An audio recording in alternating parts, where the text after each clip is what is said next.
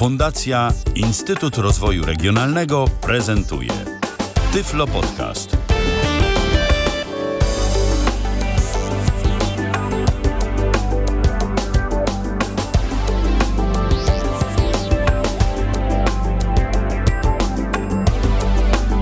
To jest Tyflo Radio, radio mm, sprzężone z serwisem tyflopodcast.net, www.tyflopodcast.net.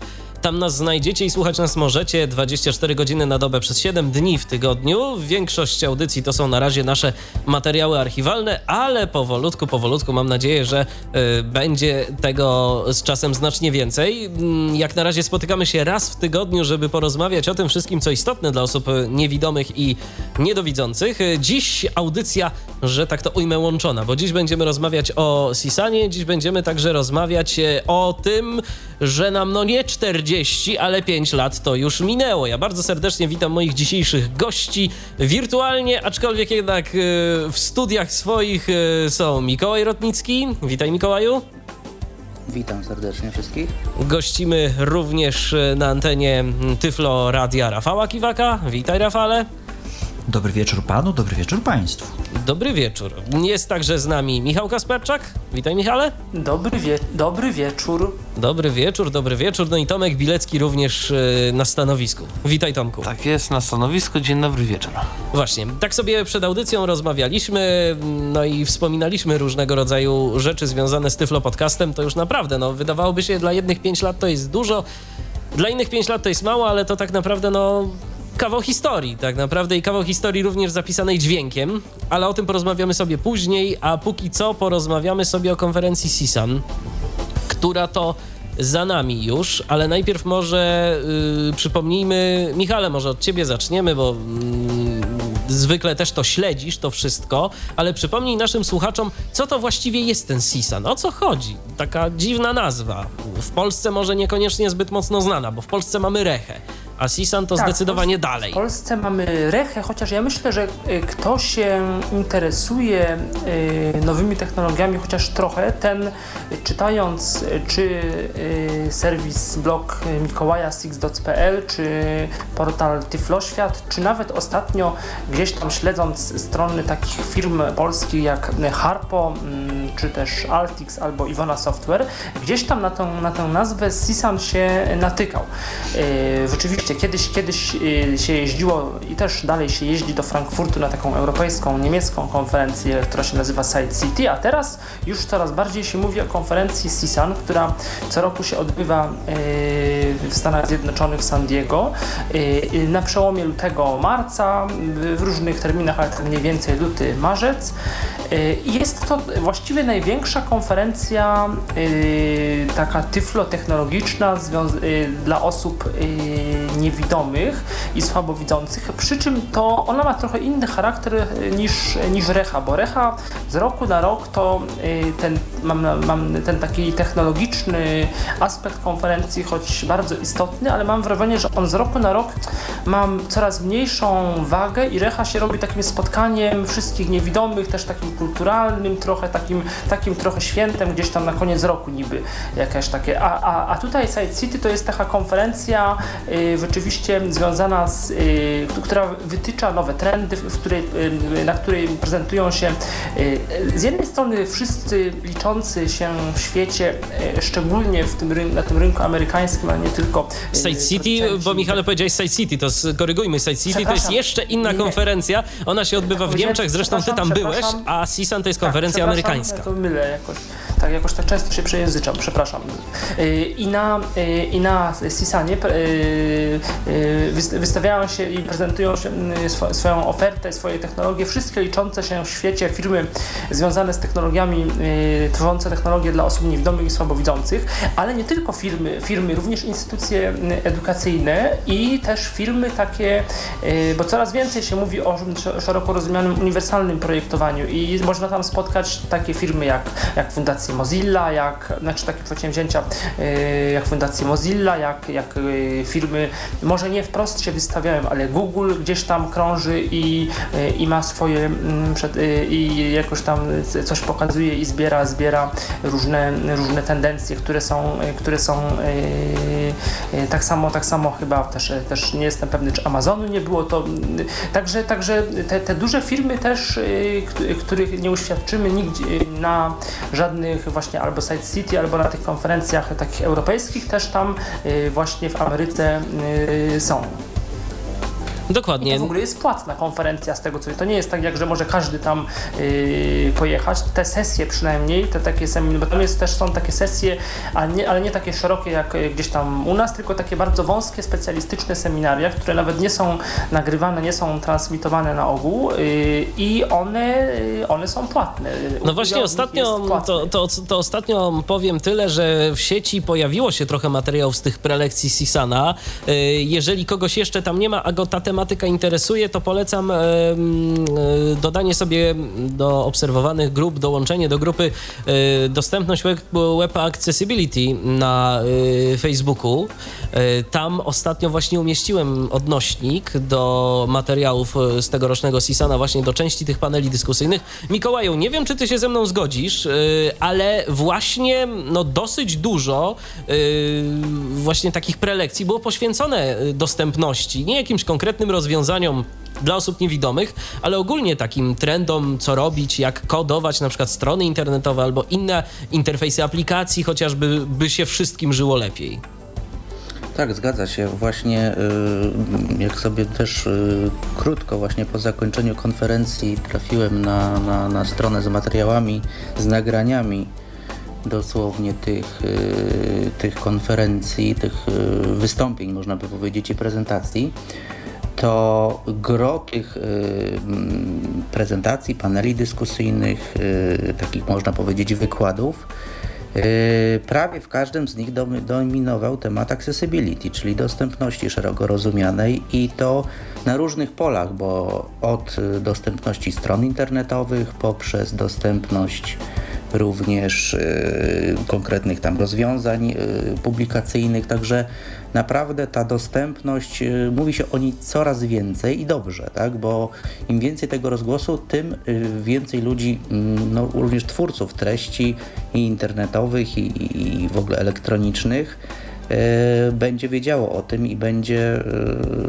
myślę, z pożytkiem to z, te, z tego korzystało mianowicie w taki sposób, żeby tworzyć te publikacje dostępnymi. Tak? No, ja mógłbym powiedzieć nawet taką rzecz, nawet kilka takich y, wykładów już miałem okazję sobie y, tak w całości nawet y, prze, przejrzeć. E, jednym z takich, o którym chyba być może już, już dzisiaj napiszę troszeczkę na, na SixDots jest była taka prezentacja dotycząca e, takiego rozwiązania o nazwie Amaze. I jest to dosyć ciekawe rozwiązanie, ponieważ to jest tak zwane server-side accessibility i polega to na tym, że mm, jakby twórcy tego rozwiązania wyszli z tego, z tego, e, z takiego mm, powiedzmy podejścia, obserwując to, co się dzieje na rynku w ogóle stron internetowych, że stron y, internetowych przybywa po prostu w zastraszającym tempie. Z tego, co, z tego, co tam pani miała okazję mm, powiedzieć, około biliona stron dziennie powstaje, ale stron w sensie pojedynczych, tak? I y, tutaj ten problem polega na tym, że no, zdecydowana większość z nich jest po prostu yy, niedostępna bądź z dużym narażeniem, z dużymi powiedzmy takimi zastrzeżeniami, jeżeli chodzi o, o, o ich dostępność.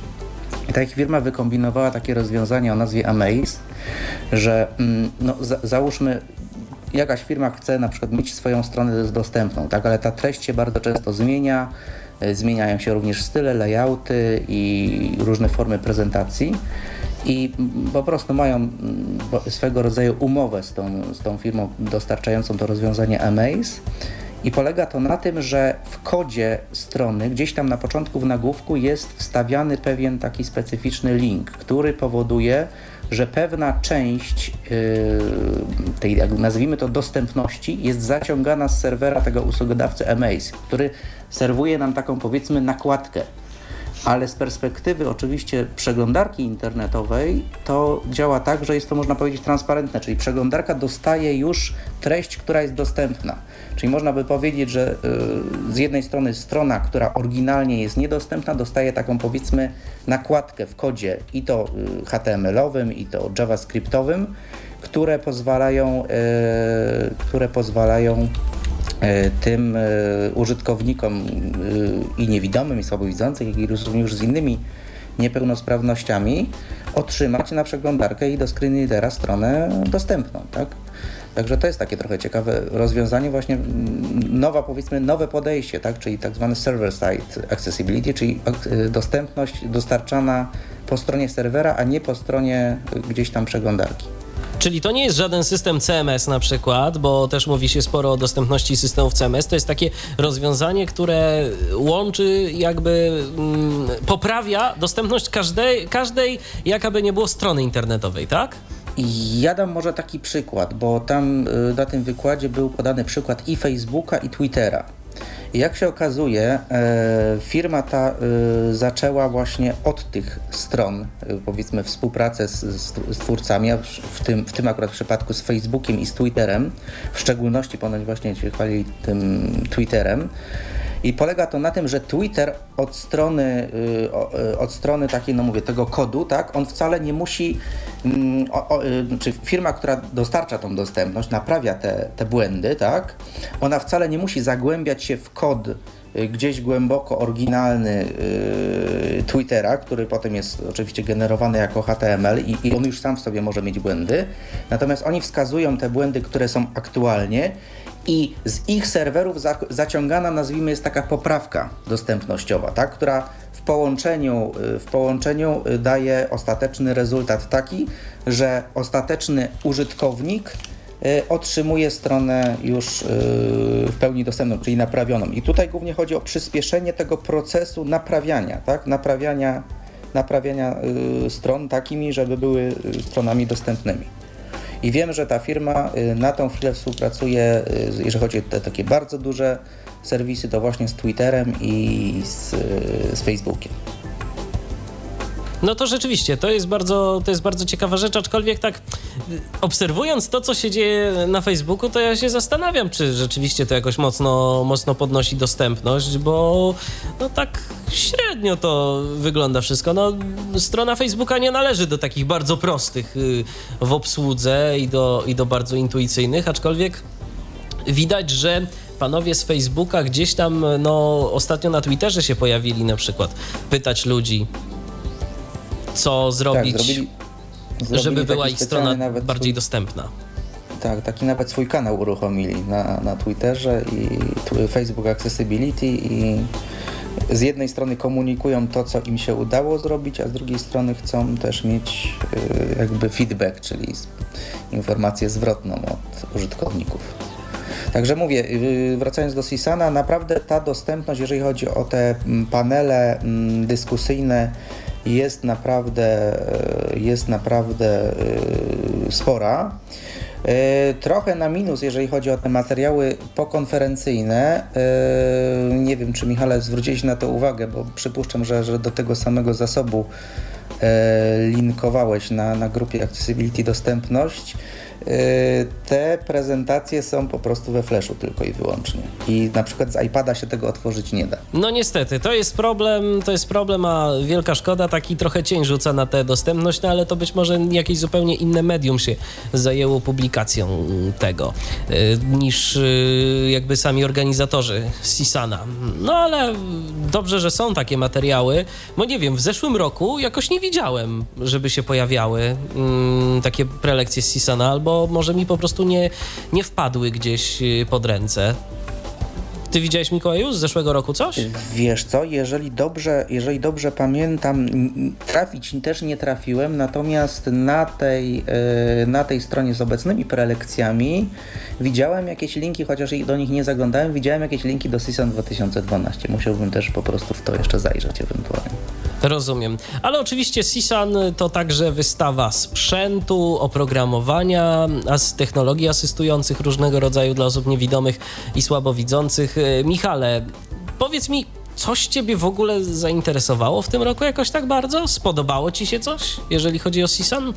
No, powiem szczerze, właśnie, właśnie nie. To znaczy, widzę, przepraszam bardzo, widzę jedną taką niepokojącą mm, rzecz, mianowicie taką, że y, ta konferencja y, no z jednej strony taka wyznaczająca światowe trendy i to bardzo dobrze, no wiadomo też Stany Zjednoczone zawsze y, w technologiach i szczególnie w tyflotechnologiach te trendy jakoś tam wyznaczają, wyznaczały, ale, ale widzę, że sporo rzeczy, sporo usług, sporo firm i różnych przedsięwzięć prezentowanych tam ma i prognozuje, że znajdzie swoje zastosowanie zastosowanie tylko i wyłącznie w Stanach Zjednoczonych, tylko i wyłącznie na amerykańskim rynku. Sporo rzeczy jest sygnowanych e, marką e, American Printing House, e, takiej amerykańskiej organizacji działającej na rzecz, na rzecz osób niewidomych i słabowidzących i sporo, sporo jakby takich właśnie rzeczy, które tam były prezentowane, to były takie, takie, takie, takie mm, może nie tyle właśnie no, nowe technologie stricte, ile jakby właśnie takie z pogranicza dostępności, wykorzystania nowych technologii, wypracowane y, poprawki, ulepszenia, rozwiązania mające y, pomagać w edukacji, w życiu osób niewidomych i słabowidzących, które znajdą później przełożenie, jak myślę, głównie właśnie na, na amerykańskim rynku. Natomiast no, z takich nowości, takich bardzo drobnych i takich bardzo, ale to naprawdę mało istotnych, ale no, taka rzecz, która u nas w Polsce na pewno się gdzieś tam przyjmie, no to nowy firmware do wersja 8.0 oprogramowania do urządzeń firmy HIMS, do notatników BookSense, y, przepraszam, do notatników BrailleSense i VoiceSense, y, która między Z tym, że tylko w wersjach U2, z tego co się dowiedziałem. Tak, tak, w wersjach tych nowych U2, no ale te nowe wersje są sprzedawane. Chociaż, chociaż HIMS, no chyba, że nie mogą mm, hardware'owo, ale HIMS zawsze starał się na te jeszcze starsze produkty później też wypuszczać, także może coś się... Ale rzeczywiście, e, dobrze, że na to zwróciłeś uwagę, na ten czas to jest e, tylko do, do tej mm, serii U2 właśnie. Ja, ja właśnie bardzo ciekaw jestem, to zapytam e, zaraz moich dzisiejszych gości, co sądzą o tych aktualizacjach, bo ja mam mieszane odczucia, ale to za chwileczkę myślę, że do tego przejdziemy, bo Michale powiedz, co te aktualizacje do y, tych notatników wnoszą?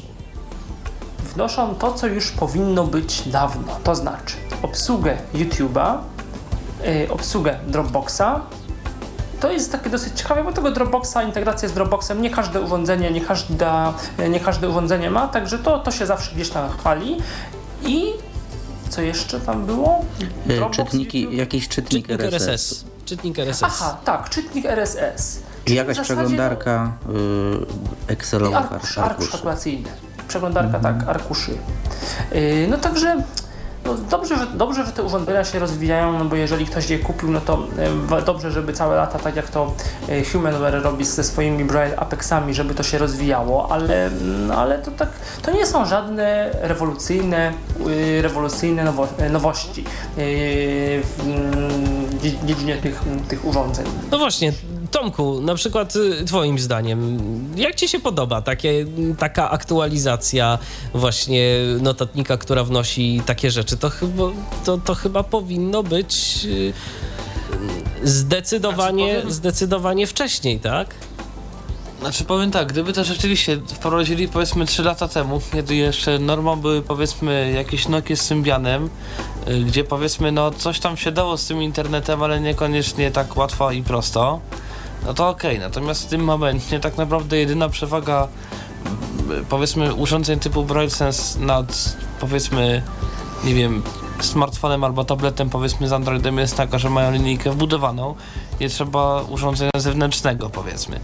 No jest taka różnica, jeżeli chodzi o powiedzmy yy, ja wiem, mobilność. Natomiast jeżeli yy, w tym momencie mogę sobie zamawiać właśnie takiego smartfona z Androidem, tudzież tableta i do tego jakąś linijeczkę brailleowską, iluś tam znakową, która jest dzisiaj naprawdę niewielka, no to na dobrą sprawę chyba są nawet takie linijki, że mają jakieś tam klawiaturki. Z poziomu tej klawiaturki można Tak, oczywiście, chociażby linijka Focus. Chociażby Focus. No właśnie, słuchaweczki na bluetooth, fokus w tym i tablet gdzieś tam sobie leży w plecaku i Tylko niestety problem jest taki, problem jest taki, że bateria, to jednak bateria wydaje mi się, że będzie troszeczkę krócej trzymała No, yy, bateria w i tabletach. stabilność. No to jest, to jest jedyna rzecz tych z takich zintegrowanych urządzeń, tak samo zresztą jak tych GPS-ów zintegrowanych, tak samo właśnie e, notatników, że je się włącza i w teorii przynajmniej mają od razu działać, od razu oferować dostęp do, jakiegoś tekstu. Do no tego, to do, tak, ale na mojej stronie no... Znaczy powtórzę za Michałem, dobrze, że to się rzeczywiście rozwija, natomiast no, troszkę za późno. Szczerze powiedziawszy. Też no, tak bo... myślę. No dobrze, to może przejdźmy do, do kolejnej rzeczy. Jeszcze tu Patryk zadał takie pytanie, które sobie postaram otworzyć sobie. E, Patryk zapytał, czy ta aktualizacja dla Polaków nie wnosi przypadkiem SMP w wersji przeportowanej z SAPI? E, Michale, czy ty wiesz coś na ten temat? E, Nic nie wiem, bo niestety jeszcze. Nie mamy żadnego potwierdzenia. Z polskich źródeł nie mam na ten temat. Za, zapytamy o to. A, co by Dokładnie. To, a, to- a, to- a, a gdyby to było przeportowane z SAPI, to, miało, to, to by było niby plus czy minus? To zna, jak, jak to rozumieć, y, że to by było gorzej? No bo SMP wcześniej był w Braille Sensach już w ogóle, o ile wiem. e, Czy ja to, to znaczy, a No, to był na pewno. w- w Braille Sensach tylko. wcześniej była Agata. Tak, ale od jakiegoś czasu Fronto dodany był był. SMP, o ile wiem. Tak, to ja wiem, że była Agata, to była zawsze. Mhm. Ale chyba od roku wydaje mi się, że nie tylko w Pronto, ale że ten SMP oni tak po cichu, bez rozgłosu dodali wszędzie. No to być może, no w każdym razie na tym Braille Sensie, który ja testowałem, który ja testowałem, to tam była Agata.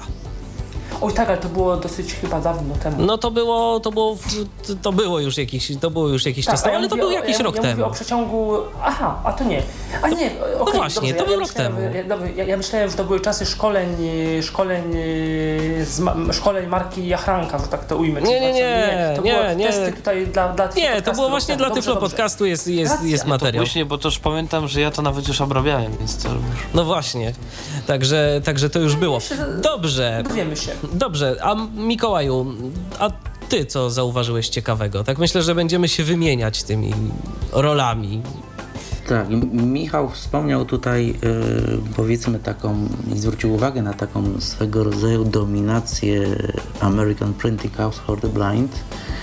No i oni też w tym roku zaprezentowali y, między innymi coś takiego, mm, co się nazywa pierwszy na świecie udźwiękowiony kalkulator graficzny.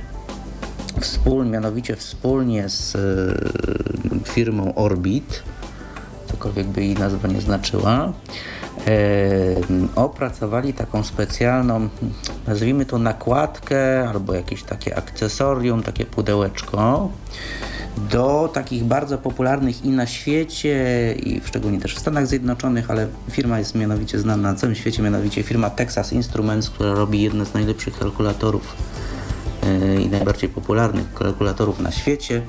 Jest taka seria kalkulator, kalkulatorów oznaczona e, numerkiem TI-84 i to są właśnie kalkulatory graficzne. Co to oznacza? One po, posiadają taki dosyć duży wyświetlacz, na którym obliczenia takie bardziej zaawansowane są wyświetlane na przykład w postaci wykresów funkcji, w postaci yy, na przykład jakichś tam równań matematycznych, tak, ale głównie chodzi o te graficzne kwestie, czyli wykresy przede wszystkim funkcji, rozwiązywanie jakichś tam załóżmy zaawansowane układów równań, no ale to jest oczywiście na ekranie, tak? I teraz chodziło tutaj y, twórcom tego rozwiązania o to, aby przystosować te już kalkulatory y, powszechnie na rynku y, dostępne, czyli to nie jest tworzenie, jak to się mówi, kalkulatora od zera, ale dorobienie do niego specjalnej takiej mm, przystawki, która ma pewny, pewien taki panel dotykowy, wyposażony również e, w sześciopunkt e, brajlowski, ale który służy przede wszystkim do sterowania e, tym. Wgrany tam jest jakiś syntezator mowy, ale również kalkulator ten komunikuje pewne mm, swoje powiedzmy wyniki i no nie wiem, załóżmy przebieg funkcji, że funkcja Za pomocą dźwięku, tak, i jest to w panoramie dźwięku, rozłożone. Tak. Jest to rozłożone jest to w rozłożone w te, swego rodzaju panoramie, tak. Jest to pewne tam z jednej strony spektrum dźwięków, z drugiej strony powiedzmy, jeżeli Częstotliwości? Dźwięki, dź, tak, częstotliwości. Jeżeli powiedzmy dźwięki rosną, oznacza to, że dany, dana funkcja rośnie. Jeżeli maleją, to znaczy, że funkcja maleje. I to jest swego rodzaju y, y, odzwierciedlenie tego, co się dzieje no, graficznie na, na tym ekranie po prostu, tak. Y, całe rozwiązanie na tą chwilę jest w takiej bardzo, bardzo wczesnej stadium beta. Była robiona taka prezentacja, między innymi na Blind, Ciekawy Games jestem jednej e, rzeczy. w podcaście. Myślę jakiej. I tam, e, co mnie tak troszeczkę zaskoczyło, chociaż może to są kwestie możliwości technicznych tego, tego rozwiązania, zaskoczył syntezator mowy i to tak na ucho to mi brzmiał albo jakiś stary Orfeusz, albo naprawdę nie wiem, co to było tak, tak do końca. Nie wiem, czy miał e, tutaj Michał Dziwisz, jakie miałeś swoje wrażenia, jeżeli odsłuchiwałeś tego podcastu. Tak, odsłuchiwałem. tak Syntezator to- wydał mi się znajomy, ale niestety ciężko mi go było zidentyfikować. Yy, Tak. I Jakiś taki, z tych, jakiś taki z tych dosyć takich jeszcze bardzo robotycznych, nie takich ludzko brzmiących, więc to żaden vocalizer, żaden tego typu. Tak, i z jednej strony oczywiście, bo wiadomo, że mamy użytkowników, którzy y, lubią i, i, tamte syntezatory, i, i, i te nowsze, natomiast z pewnej oczywiście y, perspektywy, to jest oczywiście tutaj moje zdanie, y, w produkcie, no, który powstaje już, mówię, w roku 2013, e, to tak mi się wydaje, tak by to troszeczkę trąciło myszką, tak? jeżeli chodzi o, o, o, o, o, tego typu, mówię, zastosowanie tam czy syntezy. Znaczy czy, wiesz, ja podejrzewam, że jak nie wiadomo o co chodzi, to chodzi o pieniądze. Licencje na te syntezatory pokroju vocalizer dla niewielkich e, narzutów e, kwotowych i ilościowych, a podejrzewam, że to nie będzie jednak jakaś masowa produkcja, tylko raczej e, rzeczy dla mm, niewidomych tylko i wyłącznie, no to będą to no to myślę, że mogliby zapłacić po prostu dużo.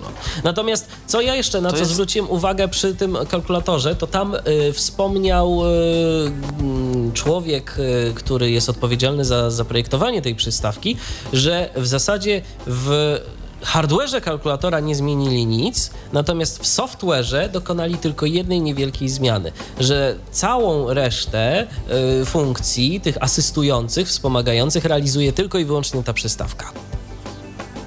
No, to jest, to, jest, takie- to jest też na pewno ciekawe. No, kwestia jest taka, że to jest w jakimś tam stadium beta. Planują to do końca roku wydać i na tą chwilę o cenach w ogóle nie mówią. Tomku, słuchamy Ale cię. tak czy inaczej, przepraszam, daj ja może później. To ja mam takie ciekawe jedno pytanie. Czy ktoś z was wie, bo ja nie słucham tego podcasta, jaka jest planowana, prawda, cena tej... y, Nie. O, o tym nie było w ogóle mowy. A podejrzewam, że to jest najważniejsze w tym wszystkim w pewnym sensie i dla, dla wielu osób przynajmniej. E, możliwe, ja się tak zastanawiam, czy ten syntezator też nie wynika trochę z tego. No, kalkulator graficzny to nie jest takie urządzenie, które w zasadzie każdy by chciał mieć.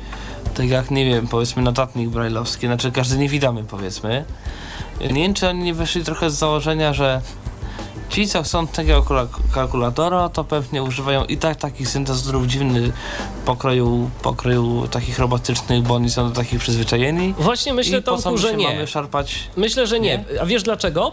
Y, dlatego, że w ogóle padło pytanie przy okazji tego urządzenia, dlaczego akurat to? Dlaczego to rozwiązanie? Dlaczego ten kalkulator? Bo przecież są kalkulatory, które mają więcej funkcji, więcej możliwości i działają po prostu lepiej. Okazuje się, że ten kalkulator mm, konkretny został zaaprobowany w Stanach Zjednoczonych jako narzędzie, którego możesz używać na egzaminach. Więc to nie jest takie rozwiązanie dla y, tylko i wyłącznie inżynierów y, albo na przykład dla jakichś komputerowych y, geeków, tylko to jest po prostu rozwiązanie, które normalnie możesz sobie wziąć na egzamin wtedy, kiedy jest dozwolone korzystanie z kalkulatorów.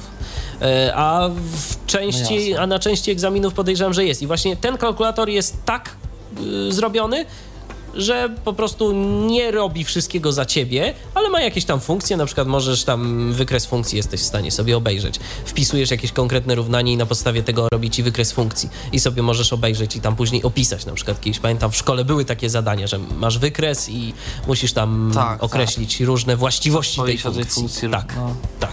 Także na przykład coś takiego właśnie nawet w tej mm, demonstracji audio zostało zaprezentowane i to mógł, mógł ten kalkulator opowiadać, opisywać te funkcje dwojako. Y, Nie wiem, Mikołaju, czy ty na to zwróciłeś uwagę, bo tam było raz tak, że rzeczywiście w momencie, kiedy on tą funkcję rysował, to tam pojawiał się taki dźwięk, y, który zmieniał się w y, przestrzeni i w częstotliwości, że tak to ujmę w panoramie i w częstotliwości, ale oprócz tego później można było nawigować po tym wykresie tej funkcji i on albo podawał współrzędne tej funkcji, parametry tej funkcji, jaką ma wartość w danym miejscu, czyli można tam było to sobie na podstawie tego określić, czy jest malejąca, czy rosnąca i gdzie, w jakiej ćwiartce wykresu, ale oprócz tego y, można było sobie to, mm, tego się domyśleć za pomocą dźwięku. Ten dźwięk był bardzo słabo pokazany, tam był taki, taki szum po prostu, y, ale właśnie później mm, osoba demonstrująca przełączyła bardzo szybko na wypowiadanie liczb. Tak, tak, zgadza się. Y, Właśnie ta, y, oni właśnie przy, przy, y, przy y, tworzeniu tego rozwiązania właśnie chcieli tak iść dwutorowo. To nawet chyba ten jeden z tych, ten deweloper, nawet to, ten osoba prezentująca, reprezentująca firmę to podkreślała, tak, że nie wszystko ma być po prostu mówione, ale żeby również było też część dźwiękiem obrazowane, a z drugiej strony, żeby też nie było tylko i wyłącznie dźwiękiem, tak, więc dwutorowo i mi się wydaje, że to jest takie, no naprawdę niegłupie rozwiązanie i tak jak, tak jak Michał wspomniałeś, yy, właśnie ze względu na to, że, że ten kalkulator jest zatwierdzony do użytku yy, w szkołach, tak, a z drugiej strony właśnie przypuszczam, że oni dlatego go zatwierdzili, no bo pe ma pewne konkretne funkcje, tak, nie jest tam za, za trudny, nie jest za prosty i ma pewne dozwolone funkcje, które które ma, a firma na pewno, Texas Instruments jest na pewno y, firmą y, taką, która no, będzie się starać w ogóle y, wymagania rynku, mówię teraz o szkolnym, tak, spełniać dlatego na pewno ten kalkulator y, taki zrobili pod takie wymagania, a nie inne, prawda? Teraz mówię ogólnie o, o kalkulatorze jako, jako, jako urządzeniu tym, tym Jako głównym, urządzeniu, dokładnie. No, także jest to jakaś tam szansa. Na pewno y, myślę, że nie będzie to łatwe tak na samym początku korzystanie z takiego kalkulatora, ale może być to pomocą. Tym bardziej, że jeszcze jedna ważna rzecz, ten kalkulator i ta przystawka zapewniają nam historię obliczeń. Możemy do tego wrócić. y, Kiedy skończymy obliczenia, to możemy się potem cofnąć, przeanalizować sobie, jak to wszystko liczyliśmy, więc to ma też jakąś pamięć. To jest też, to jest też dosyć dobre, y, jeżeli wykonujemy jakąś większą ilość tych obliczeń. Natomiast y, mm, kolejną rzeczą, ale to bardziej taką na rynek amerykański, ale też myślę, że mógłby się tym ktoś zainteresować. Jestem ciekaw, y, co o tym powiecie.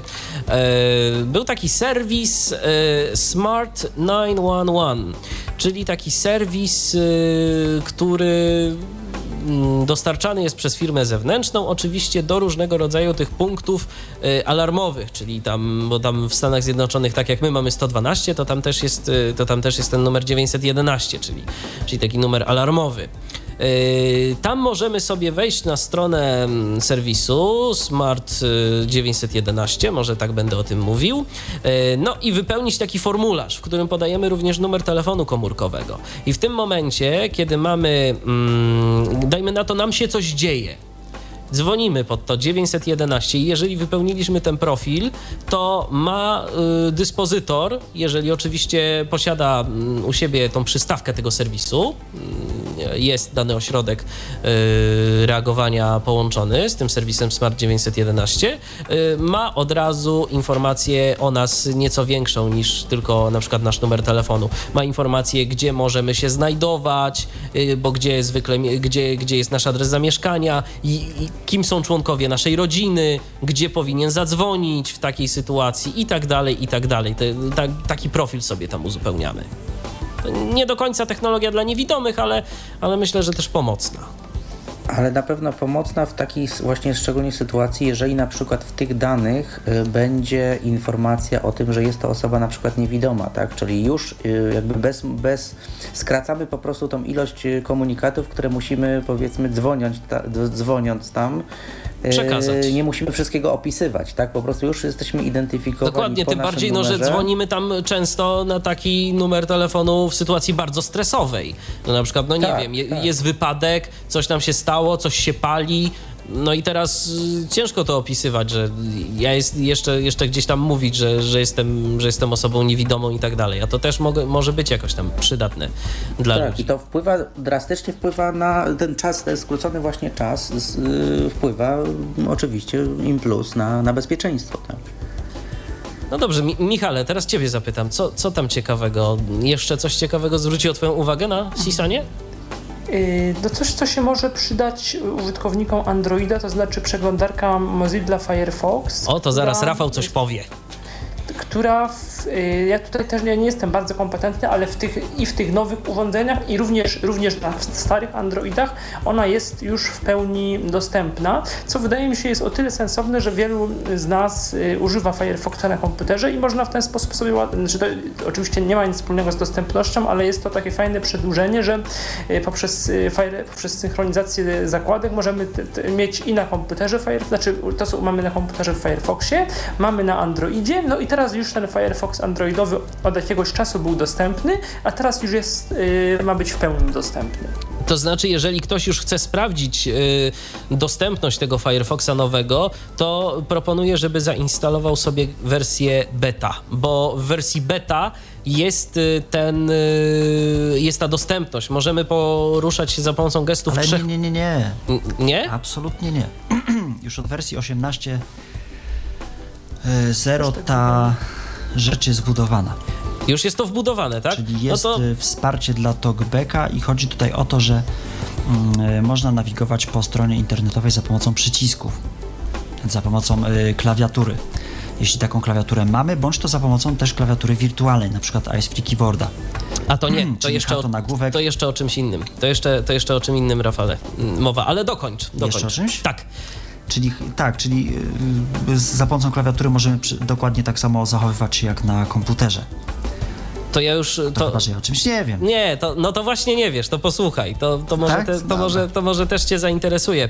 E, jest opcja, mm, jak w iOSie mamy tak zwane pokrętło po nawigacji stro, y, po stronach, do nawigacji po stronach na przykład, albo po różnego rodzaju okienkach. E, Tam sobie z tego pokrętła wybieramy, że na przykład chcemy skakać po e, linkach, listach i tak dalej, i tak dalej. W Firefoxie teraz i tu niestety muszę przyznać się od razu, że nie pamiętam co w którą stronę, ale w każdym razie za pomocą gestu trzy palce w dół i w górę chyba zmieniamy element, po którym nawigujemy, czyli na przykład linki, e, nagłówki i yy, akapity, czy tam podobne rzeczy, a w lewo i w prawo za pomocą trzech palców poruszamy się do tyłu i do przodu. Może to być odwrotnie, a teraz no nie powiem tego, nie powiem tego dokładnie, ale myślę, że jeżeli ktoś sobie zainstaluje Firefoxa BT, to będzie w stanie sobie to sprawdzić mm, i, i powie, jak to działa. Dyskusyjne co najwyżej mogą być te trzy palce, bo to mi się wydaje trochę takim topornym gestem. Nie wiem, Rafale, No co ty o tym myślisz jako, jako użytkownik Androida? Znaczy generalnie w Androidzie jest tak, że no ten internet nie jest tak przyjazny, jak to ma w miejsce w przypadku iOS-a, tak? Czyli nie mamy tego słynnego pokrętełka i nie możemy się tak y, fajnie przemieszczać po tych wszystkich elementach. No i Firefox był jako jeden z pierwszych, który, który jakoś to ułatwiał. Pod warunkiem, że się miało tą klawiaturę albo ten Ice Free Keyboard działa tak jak należy, bo to też bywało różnie niestety. E, także jeśli jest tak jak faktycznie mówisz, no to zaraz sprawdzimy i będziemy wiedzieć. No, to sp- sprawdź, tylko proszę cię, żebyś jak piszesz wyłączał mikrofon, bo nasz procesor głupieje w tym Okej. momencie. Okej, dobrze. Eee, to teraz może przejdźmy do następnej rzeczy. Mikołaju, może ciebie poproszę tym razem? Ja jeszcze bym tylko coś? tak dodał jeszcze Mhm. do tego Firefoxa jedną rzecz, bo y, stosunkowo niedawno, ale też na tym Sisanie była też y, dalej takie rozwinięcie, czyli mowa o nowym systemie operacyjnym maj, mającej mianowicie Właśnie, Firefox, Firefox OS. O, czyli y, no, nazwijmy to pojawia się, no trudno powiedzieć, że teraz jeszcze konkurent, tak, no ale jakieś trzecie rozwiązanie w stosunku do iOS-a czy Androida, tak, też system oparty o otwarte źródła, otwarty otwarty kod i mm, podobno jeżeli chodzi o, o, tą, o tą jakby y, różnicę podstawową, tak, jest taka, że mm, wszelkiego rodzaju y, aplikacje, czy to, co się w ogóle, nawet sam interfejs tego systemu, będzie bazował y, zasadniczo na rozwiązaniu typu HTML5, czyli będzie cały system, jakby będzie jedną wielką mm, aplikacją y, HTML, HTML5, czyli również i JavaScripty, być może właśnie też nawet ARIA, tak. Mm, no, ciekawe podejście, tak? I, i, I też chcą zainteresować y, różnych producentów telefonów i smartfonów właściwie tym, tym systemem. no mówię, niektórzy już się interesują. To. Natomiast y, a propos tego, to mm, takie pojawiały się informacje, że już ma być wbudowany screen reader w Firefox OS-a. Okazało się, przynajmniej z tego, co dowiedzieliśmy się na Sisanie, że w wersji pierwszej nie będzie tego screenreadera jeszcze, jeszcze. że będzie, ale później, także... Ale demo już widziałem. Demo tak, demo, demo już jakieś tam jest. Widziałem. A właśnie Mikołaju, ty widziałeś, bo ja też słyszałem o tym, że już jest demo, zresztą y, jak dobrze pamiętam Jacek Zadrożny na swoim informatonie podlinkował nawet filmik, tylko go jeszcze nie obejrzałem, a powiedz mi, y, czym jest udźwiękowiony ten y, system? To jest SPIC czy to jest co innego? Wydaje mi się, że jest to ESPIK. Jeżeli ESPIK, to, to by było wydaje, bardzo, tak? bardzo, bardzo dobrze. Ale mi się tylko wydaje i to y, głównie z tego względu, że akurat anglojęzycznego chyba ESPIKa może tak na, na ucho y, nie bardzo kojarzę, natomiast y, y, Oczywiście tutaj jakby pochodne, no, czy iOS-a, czy pochodne Androida gesty, tak, wszędobylskie, w lewo, w prawo, po ikonach, tak. Był pokazany jedynie taki prosty interfejs yy, z ikonami, tak, jakby one były po prostu poukładane. Bardzo było to zbliżone do tego, co jest w iOSie, czyli nie jakiś tam powiedzmy wyrafinowany ekran początkowy, tak jak na niektórych Androidach prze, przerobionych to wygląda, że są różne jakieś tam widgety, ale taki bardzo prosty, na razie powiedzmy w stadium beta ekranik, na którym osoba e, paluchem w lewo, w prawo poruszała i, i, i, i te ikony były odczytywane. No tyle, tak?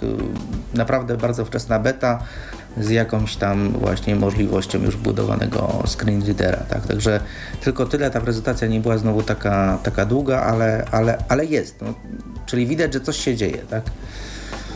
W sumie nie głupio by było, gdyby powstał jakiś taki prosty system, za pomocą którego można sobie udźwiękowić telefon niedrogo, niedrogim kosztem, bo no, miejmy nadzieję, że to nie będą jakieś bardzo drogie te telefony e, z Firefox OS-em. Zresztą chyba takie jest założenie, jak dobrze pamiętam. A z drugiej strony, no powiedzmy sobie szczerze, Android to jest system taki dość skomplikowany e, na pierwszy rzut oka, więc e, jeżeli coś dorównywałoby łatwością, może nie funkcjonalnością, ale łatwością w obsłudze mm, iOS-owi, a byłoby tańsze, to myślę, że dla nas tylko lepiej, a jeżeli byłby tam Espik, to już w ogóle po prostu świetnie, bo Espik przecież y, także potrafi do nas mówić po polsku, więc... Y, no jeszcze ta kwestia mhm. tych aplikacji, które są de facto aplikacjami no, webowymi, czyli teoretycznie osoba, która zna no, HTML-a i, i, i ewentualnie HTML-a właśnie piątkę i różnego rodzaju tam mm, JavaScript, tak, to ona będzie w stanie zrobić po prostu własną aplikację. Nie musi na przykład znać kodowania w jakichś językach typu tam C czy, czy jakichś innych. Po prostu tworzy aplikację webową od razu i ona jest, będzie dostępna od razu po prostu odpalana w tym systemie. Tak? No dobrze, to Mikołaju, może jeszcze też coś powiesz a propos tak, kolejnych rzeczy? Tak, już jesteśmy przy tych y, urządzeniach mobilnych, tak, y, to może warto by teraz gdzieś tam do y, przenieść się do innego systemu, mianowicie jeżeli chodzi o nowości na iOS-a, czyli urządzenia z iPhone'em, y, y, czyli iPhony i, i iPady między innymi mianowicie kolejne rozwiązanie GPS-owe na iOS o nazwie e, Seeing Eyes GPS wyprodukowane przez firmę Sendero. E, co można na ten temat powiedzieć? Na tą chwilę jest w fazie, fazie rozwojowej. E, zgłosiło się ponad 400 osób do tego testowania i oni musieli tą listę bardzo szybko przym- e, przymknąć i, i tak około 100 osób z tego, co mi się udało zdobyć informacje, udało się powiedzmy im stać się beta testerami tej, tej aplikacji. Założenia są, yy, założenia są takie. No, aplikacja ma być bardzo prosta w obsłudze. Takie są trzy podstawowe y, jej funkcje, mianowicie y, nawigacja po trasach, taki moduł trasy, drugi moduł o nazwie POI, czyli punkty zainteresowań, czy jak to woli, te punkty takie nawigacyjne i trzecia mm, kwestia, yy, moja lokalizacja aktualna i, i, i otoczenie, tak? Yy, ma to mieć wbudowaną nawigację zakręt po zakręcie, czyli yy, jeżeli idziemy sobie yy, ulicą, to będzie nam informował, ile jeszcze mamy metrów do danego zakrętu i kiedy mamy skręcić. Jeżeli już skręcimy, to on nam dalej powie, czy mamy iść dalej prosto i kiedy będzie następny manewr skrętu, tak? Jeżeli chodzi, mówimy teraz o nawigację typowo po, po mapie.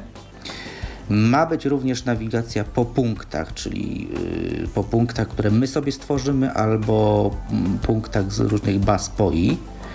Tutaj, jeżeli chodzi właśnie i o mapy, i o punkty POI, to w tym przypadku dostawcą map będzie y, Navtek oraz mapy OpenStreetMap. Natomiast jeżeli chodzi o punkty POI, to będą też, też Navtek y, OpenStreetMap i coś takiego, co się nazywa Foursquare. Ale nie znam tego, tego, dos tego, tego dostawcy. Natomiast Foursquare to jest też taka aplikacja, y, która... Właśnie, ja myślę, czy to nie chodzi o tą integrację. Właśnie, to jest chyba bardziej... I, prostu... bo, bo oni chyba swojej mapy nie mają. Y, ja nie wiem, czy to przypadkiem no Google. Znaczy, tam można, nie. to o tym Jacek Zadrożny kiedyś pisał, że tam można te miejsca oznaczać. Tak, tak, tak. tak można. No to ten, ja sobie to, to ten serwis w każdym razie. Ja sobie to ostatnio zainstalowałem nawet właśnie ten serwis ja myślę, ma być dostawcą to, to, to, właśnie. Mm -hmm, mm -hmm.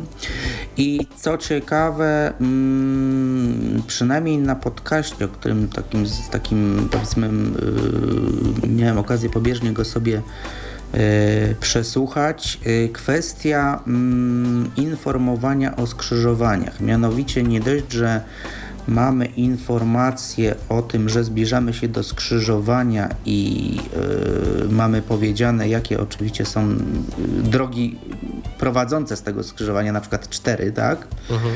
To też system ma nas yy, informować o tym, będzie w stanie informować nas o tym, na której z tych powiedzmy czterech ulic jesteśmy, także nie tylko i od której strony się zbliżamy do tego skrzyżowania, tak? Czyli E, załóżmy, że mamy skrzyżowanie, powiedzmy, nie wiem, ulicy jakiegoś tam Piłsudskiego i nie wiem, Jana Pawła II na przykład, tak? W jakimś tam mieście. Idziemy sobie ulicą Piłsudskiego i on wie o tym, że idziemy ulicą Piłsudskiego i zbliżamy się do skrzyżowania z ulicą, e, z ulicą e, Jana Pawła II na przykład i będzie nam w stanie powiedzieć, które y, dokładnie ulice y, w lewo, w prawo czy prosto są, y, są w jakim kierunku oczywiście prowadzą i gdzie się znajdują i będzie mm, też odzwierciedlenie tego względem tego, jak, w którą stronę jesteśmy ustawieni, tak? czyli będzie również pobierana informacja z kompasu.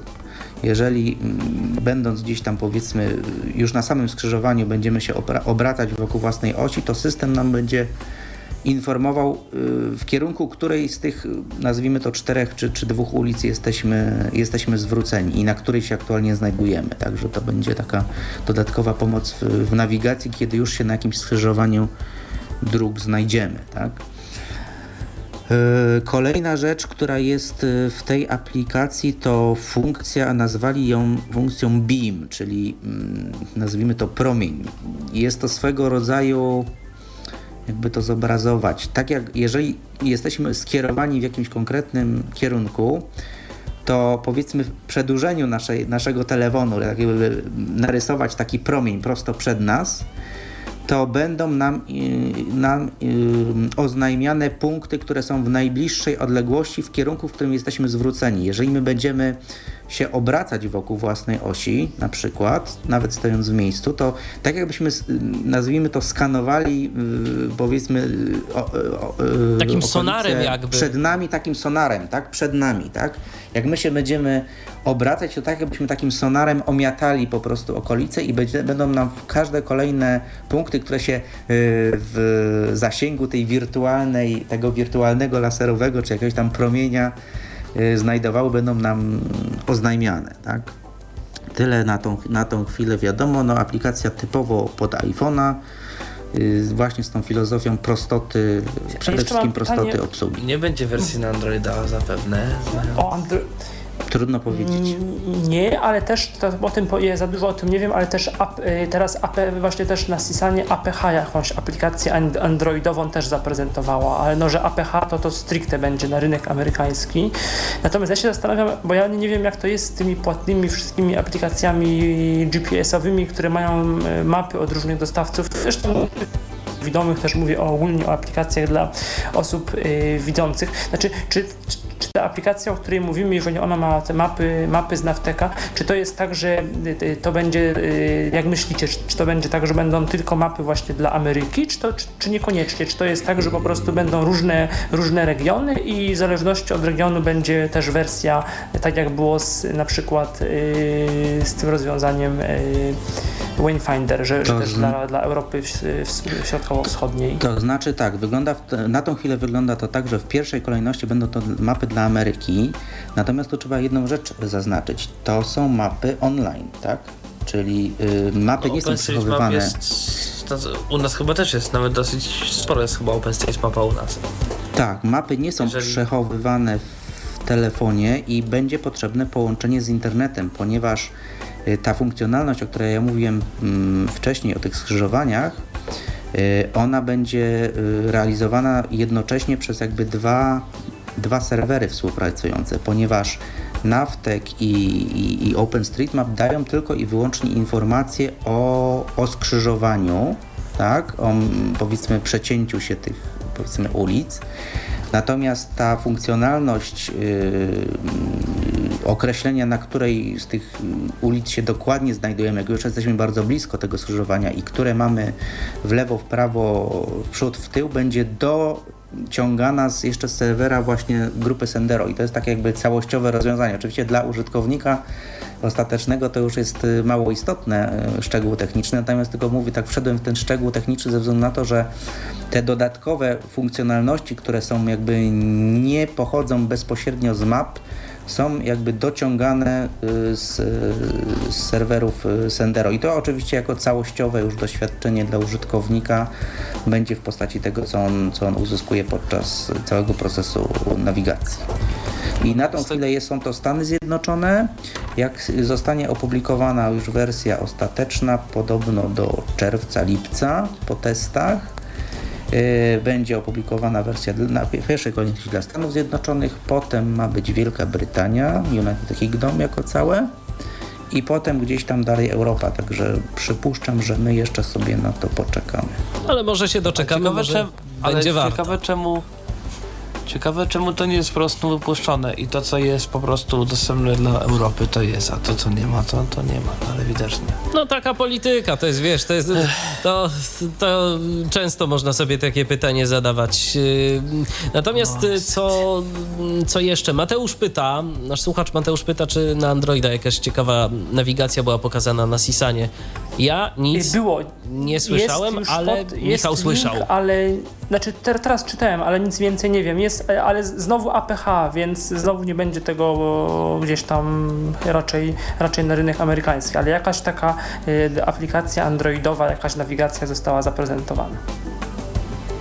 No to bardzo dobrze, bo ten system jednak, no myślę, że warto, żeby również miał jakąś taką ciekawą nawigację. A propos iOS-a, teraz Wam powiem o też ciekawej aplikacji, yy, która została zaprezentowana na Sisanie i mi, powie- i mi powiedzcie, co Wam to przypomina. Otóż yy, jedna firma, y, której y, jeden z członków y, ma niewidomego bodajże tatę, postanowiła stworzyć aplikację, dzięki której niewidomy może czytać prasę. No, czytanie prasy polega mm, na czymś następującym. Uruchamiamy aplikację w zupełnie dostępnym środowisku iOS-a. Yy, I do tej aplikacji w większości przypadków mówimy. Yy, wygląda, pierwszy ekran wygląda na przykład tak, że wybieramy tytuł. Że jeden to jest jakaś tam gazeta, dwa kolejna gazeta, trzy następna, cztery następna. Stukamy sobie palcem, mówimy yy, jaką gazetę chcemy czytać, albo podając jej numerek, albo tytuł. Później yy, wybieramy yy, jakby sekcję tej gazety, z którą się chcemy zapoznać. Oczywiście też mają swoje numerki, znowu możemy powiedzieć albo sekcję, albo yy, numerek przyporządkowany do tej sekcji. No i w końcu docieramy do artykułu, który możemy sobie wreszcie przeczytać z danej sekcji. Czy wam to. No takie komplikowanie sprawy to jest do tych państwa podobne. No. Ale czy wam to czegoś nie przypomina? Przypomina, co nam przypomina. przypomina, no. No właśnie, to takie pytanie retoryczne. No, widać, że nie tylko Polacy y, mają bardzo innowacyjne pomysły względem tego, jak osoba niewidoma powinna korzystać y, z telefonu A, komórkowego. bo to nie jest ta firma. To Nie, to jest zupełnie inna. To- Ale może ktoś od kogoś z nich brał jakąś tą inspirację. Być może, no ja się, Ciekawe, kto od kogo. ja się właśnie zastanawiam, kto od kogo. Nie, I- no to jest być może ta ogólna inspiracja, to co mówi, to co, o, co jednak coraz, o, o czym coraz bardziej się mówi, może nie stricte w środowisku, znaczy stricte wśród y, y, osób niewidomych i nas zajmujących się i piszących, mówiących o tyflotechnologiach, ale nie, y, to się znikąd nie, bier, nie, bie, nie biorą takie opinie, y, które można poczytać w, w, w, w takiej ogólnodostępnej prasie, jak w jakiejś tam polityce, czy, czy gdzieś tam, kiedy, kiedy na przykład y, pod koniec ten, tego roku y, w, bodajże w Radio Tok FM y, technologiczny dziennikarz polityki y, Edwin Bendyk był pytany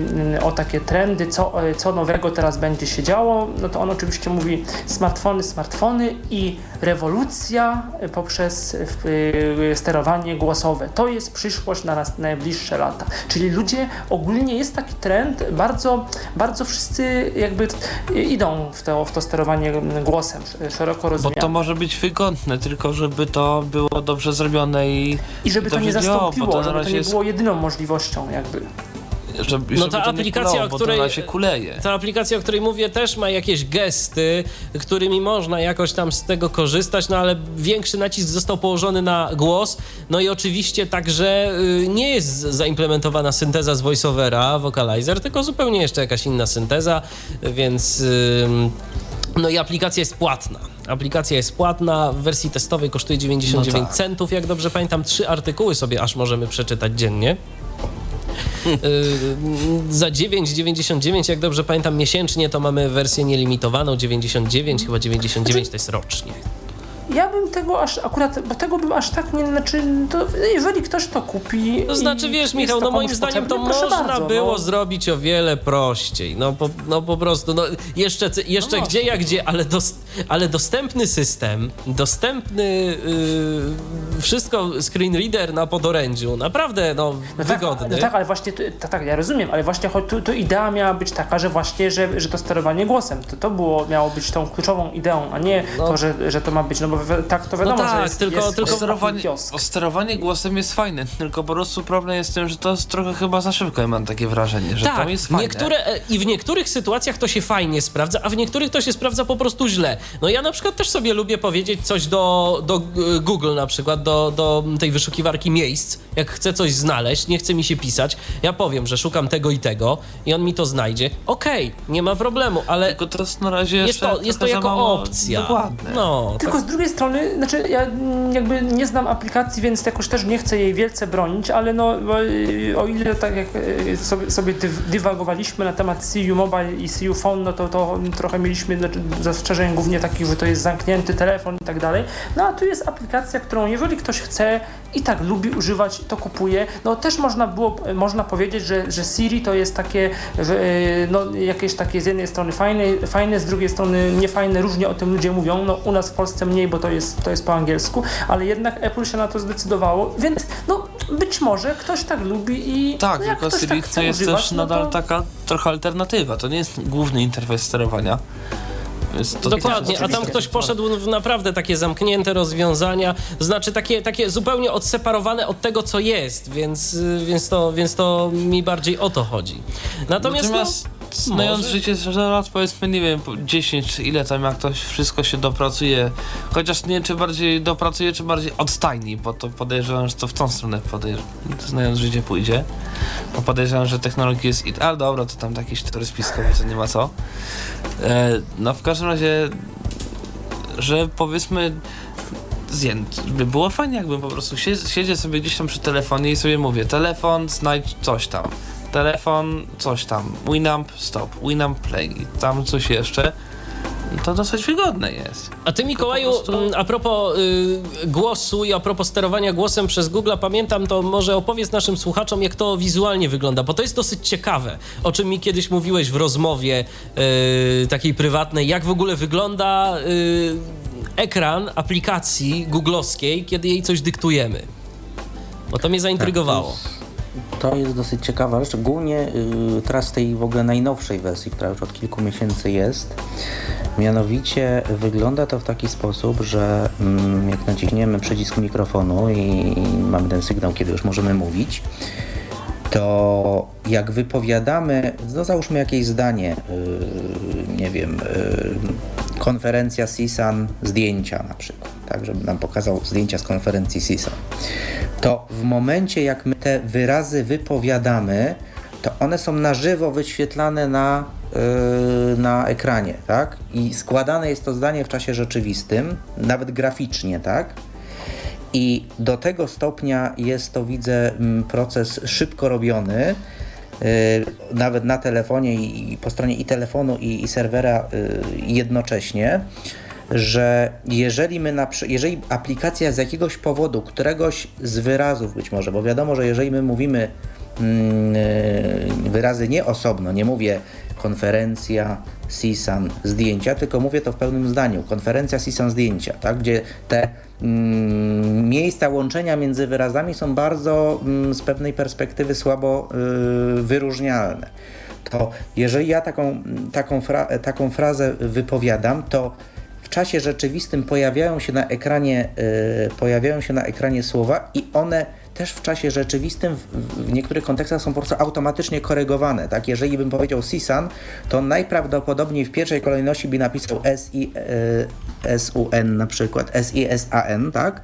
ale on z kontekstu się domyśli, że chodzi mi o CISAN, mówione po angielsku i to akurat już wyciągnie z, z, z, z, y, z wyszukiwarki, tak? I chodzi mi po prostu o to, że dosyć tak fajnie jest to graficznie pokazywane. W momencie, kiedy my mówimy, to zdanie się automatycznie składa i wyrysowuje nam się na ekranie.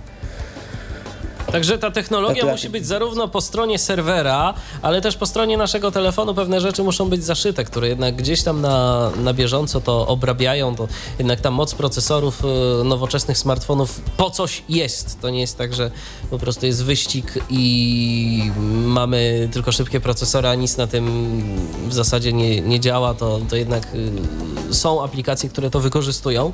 No i, bardzo jeszcze, dobrze. Jeżeli, mo- jeżeli mógłbym dodać, to tak w ogóle w tym Google Search, to też tak zupełnie nawiasem, skoro jesteśmy jeszcze przy tych e, sterowaniu głosowym, właśnie Google Search zrobił taką troszeczkę małą podróbę, podróbę Siri. Jeżeli przełączymy sobie aplikację Google Search na język, e, na język e, angielski, to jeżeli zapytamy Google Search po angielsku, to on nam nawet głosowo odpowie. I to odpowie nam w dosyć podobny sposób jak, Siri. Jeżeli zapytamy what's the weather like, czyli jaka jest pogoda, no to on nam odpowie to jest 10 degrees Celsius, czyli tam, że jest 10 stopni Celsjusza i pada deszcz czy śnieg. Tak? Także troszeczkę tam Google y, do pomysłu Apple'a y, zajrzał tak? i zaimplementował to właśnie w Google Search dla iOS, między innymi. Powróćmy może jeszcze do tego, co można było zobaczyć na tegorocznym Sisanie, na Sisanie 2013. Y, Michale, teraz Ciebie zapytam, y, co ciekawego jeszcze tam wpadło Ci w oczy, w uszy.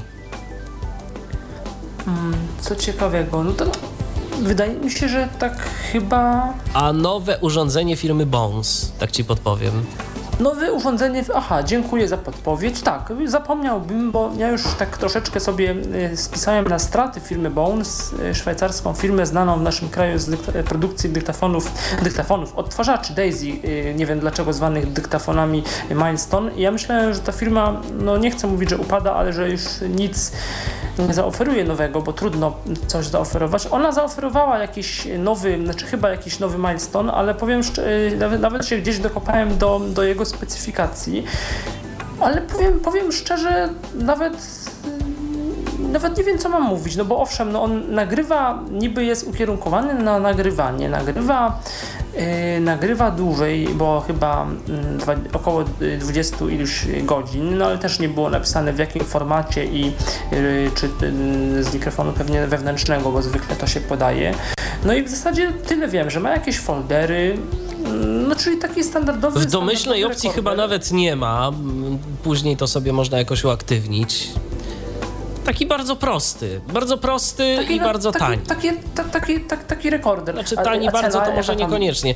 Tam, Nie, jaka tam była cena? Y, to nie taka tania właśnie. No właśnie nie, tylko, tylko bo tam były trzy edycje tego urządzenia yy, i, ta, i ta najprostsza pozwalała tylko na mm, nagrywanie, a reszta no to były funkcje no tak, dodatkowe. tylko że ta cena, znowu ta cena nie była No nie, nie, nie. ona nie Źle powiedziałem, nawet, źle powiedziałem. Nawet z Olympusem, że jakby, w, bo ja, ja obawiam się, no bardzo bym się zdziwił, gdyby ten Milestone miał na przykład lepsze mikrofony, nie to, że Olympus jest jakimś ideałem, ale no yy, powiedz, yy, wątpię, żeby on był lepszy od takiego zwykłego Olympusa DM670, który na potrzebę, yy, no może nie nagrań bardzo profesjonalnych, ale takiej dobrej klasy nagrań czy czegoś więcej niż dyktafon, no zupełnie gdzieś tam wystarczy. I wątpię, żeby ten Milestone był lepszy, ale mogę się mylić.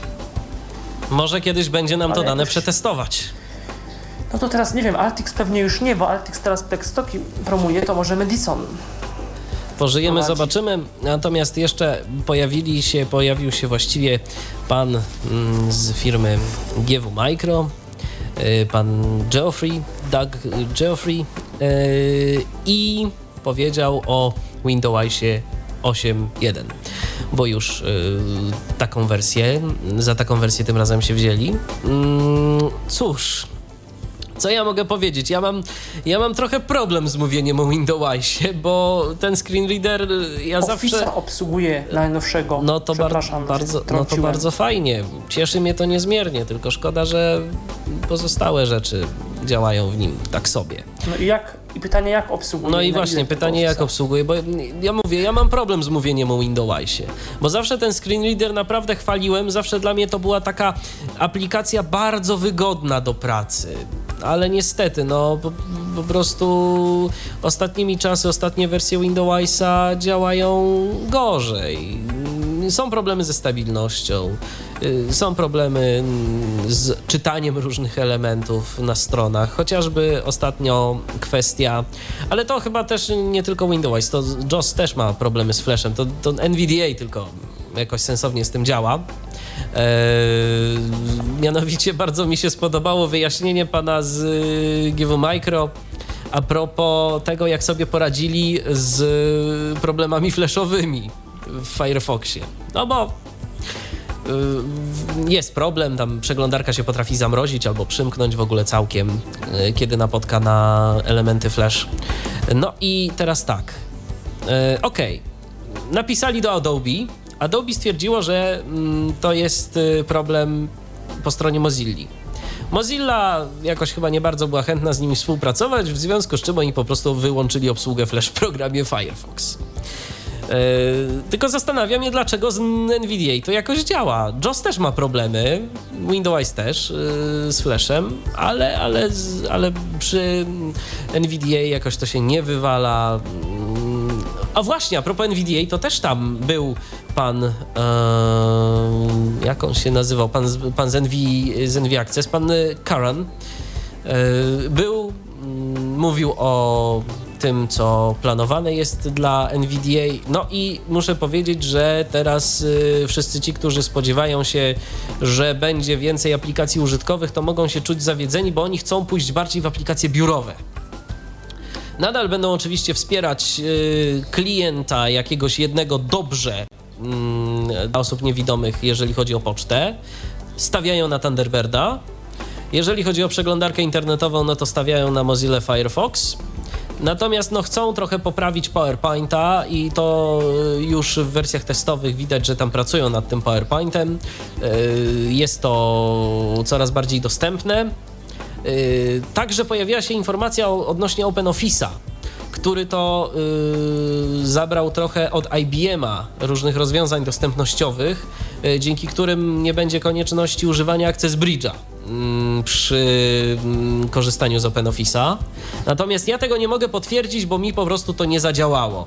Y, Lotus Symfony faktycznie gdzieś tam miał takie, takie różne rozwiązania, które, które tego Access Bridge'a zastępowały i to, i to fajnie działało, y, przynajmniej w części, ale niestety nie mogę tego potwierdzić, tym bardziej, no, no mówię, to są testowe jak na razie jakieś testowe wersje OpenOffice'a, więc y, to się trzeba z tym jeszcze pobawić i to jeszcze myślę, że trochę wody upłynie, zanim OpenOffice dla nas będzie tak y, o tak o bez jakichś specjalnych kombinacji i bez ryzyka, że na przykład nie zainstaluje nam się Java Access Bridge albo że z Java Access Bridge'em będą jakieś problemy, że, że będzie to problem z dostępnością. No w każdym razie NVDA ma się dobrze, y, żadnych problemów nie widać, y, rozwija się ta aplikacja, no i bardzo To było dobrze. w sumie ciekawe, bo no ten PowerPoint jest, było, nie było dosyć jednak jakoś tam w pewnych y, różnych używany, było, nie było.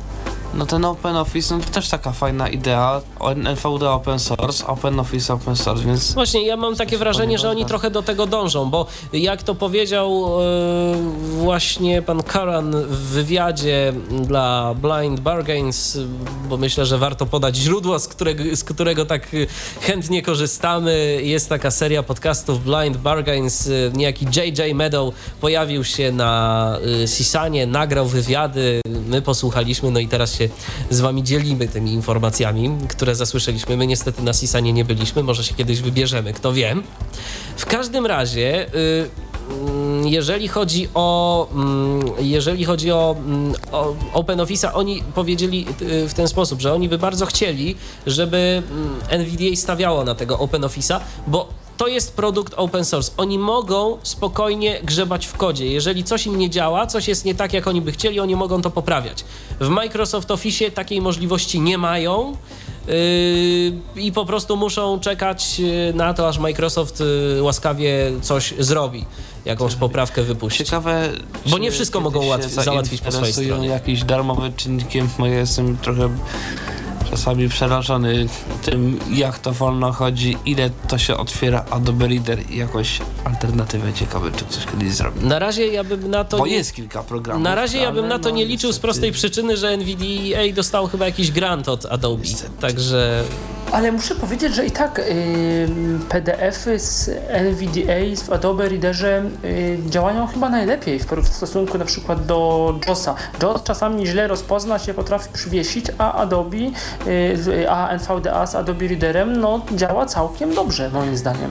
No właśnie Nawet ostatnio u mnie jakoś tak średnio i u mnie to tak czasami powiem tak, Może jakiś pierwsze, głupi PDF, może jakiś złożony, jakaś grafika, może, bo to też PDF czy też no dużo różnych zależy od- PDF, a generalnie na przykład czasem tak jest, że e, wychodzę na chwilę z PDF-a, bo chcę coś zrobić, wchodzę z powrotem i nie widzę nic. A tak, to jest to, to tak niestety czasem się dzieje.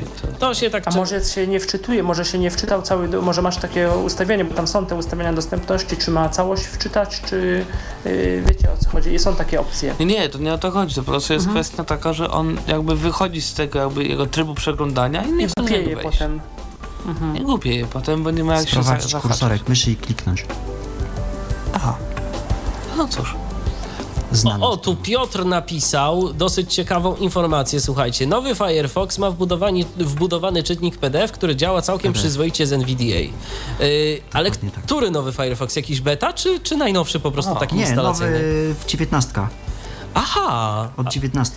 a, to trzeba będzie to sprawdzić, To bo jest ciekawe. O, ja, ja odczytałem, wiedziałem, że ma ten nowy czytnik, ale nie sprawdzałem tego, bo tak trochę się obawiałem, bo wiem, że kiedyś to tak różnie działało, więc jakoś tak nie miałem też ani... to trzeba będzie to sprawdzić. Piotrze, ręką bardzo. Ci w takim razie dziękujemy za tę informację, bo to jest informacja cenna.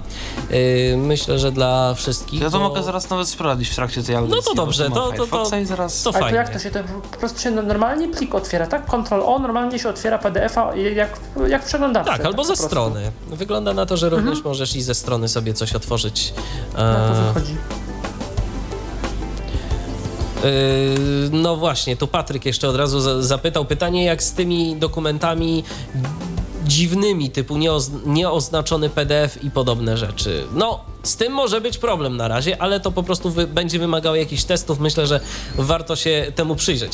Dobrze, panowie. Yy, szczególnie tu do Mikołaja i do yy, Michała pytanie. Czy coś jeszcze jest takiego o, z Sisana, o czym warto by było powiedzieć? Bo już nam pierwsza godzina. Ja może bym poruszył Zleciała. działkę osób słabowidzących. O, właśnie. Bo kilka rzeczy się też pojawiło, które moją uwagę e, przykuły. Mianowicie mm, taka firma o wdzięcznej nazwie Logic Keyboard oferuje mm, klawiatury mm, nawet takie mm, specjalizowane, bo tak można by powiedzieć i do Maca, i do PC-ta, i przewodowe, i bezprzewodowe e, z dużą czcionką. I tak dla przykładu, właśnie jako mówię też użytkownik Maca, przyjrzałem się tym klawiaturom bezprzewodowym dla Maca i one wyglądają bardzo podobnie do, y, do klawiatur y, oryginalnych Macowych i dają po prostu y, możliwość po prostu takiego samego używania jak klawiatury makowej, ale właśnie z mm, dużymi literkami. Z dużymi literkami, które mm, no, osobom słabowidzącym w dużym stopniu mogą pomóc. I taka klawiaturka kosztuje, z tego co udało mi się znaleźć, 84 euro. Ale jest ciekawostka jeszcze, ponieważ do tych klawiaturek można sobie za 20 euro dokupić takie akcesorium o nazwie specjalna lampka, która nam po prostu doświetla klawiaturę z góry. Nie mówię teraz o podświetleniu y, literek, ale mówię o oświetleniu całej klawiatury. I tą, I tą lampkę się po prostu podłącza pod, y, pod Eee, pod klawiaturę, można by powiedzieć, pod jakiś tam, nie wiem, czy jej port. Yy, I w każdym bądź razie możemy z niej bardzo yy, wygodnie korzystać, yy, właśnie jako osoby słabowidzące. Ta, ta, ta lampka jest nawet ciekawie, ciekawie rozwiązania, bo to jest po prostu lampka LEDowa oparta na tak zwanych diodach LEDowych i ona nam właśnie w takich warunkach no, nie za dobrych, świetnych, bardzo nam ciekawie jest w stanie y, tą klawiaturę podświetlić, tak aby to podświetlenie też nas nie raziło w oczy, ale dyskretnie podświetlało i oświetlało całą, całą klawiaturę. Takie dosyć ciekawe y, i akcesorium i w ogóle y, klawiatury tej firmy. A drugie rozwiązanie, które osobom słabowidzącym, ale również osobom y, być może niewidomym też się przyda, ale bardziej skierowane jest, jest jednak chyba do słabowidzących. Mówię o rozwiązaniu Opteleka, takim module, ponieważ oni mają y, te swoje y, powiększalniki o nazwie Clear Reader e, jakby o takiej budowie modularnej, do nich się kolejne moduły dokupuje i jednym z takich modułów jest, y, został zaprezentowany y, moduł o nazwie mm, Speech Desktop i polega to na tym, że dodaje do, do powiększalnika funkcjonalność y, OCR, czyli za pomocą powiększalnika możemy tekst rozpoznać i go przeczytać. I Przepraszam, tylko chyba sprostuję powiększalnik. Clear Reader to chyba było to urządzenie OCR, Clear View są powiększalniki. E, przepraszam, Clearview. Tak, tak, tak, tak. Zgadza się. To, to jest moduł do, do, do Clearview, który de facto z całego powiększalnika nam tworzy rozwiązanie podobne do, do, do Clear Readera. I tam to nawet jakoś było tak, że y, był tam ekran dotykowy chyba, tak? Jeszcze przy okazji od razu i można było sobie dotknąć y, konkretnego elementu na tym ekranie i w tym momencie zaczynało czytać nam na przykład od tego miejsca. Y, Coś takiego było. Y, Natomiast y, szerzej, szerzej nie powiem, ale mówię, taki moduł zaprezentował Optelek jako dodatkowy moduł opcjonalny do, do, do, do, do, do, do, do powiększalnika Clearview.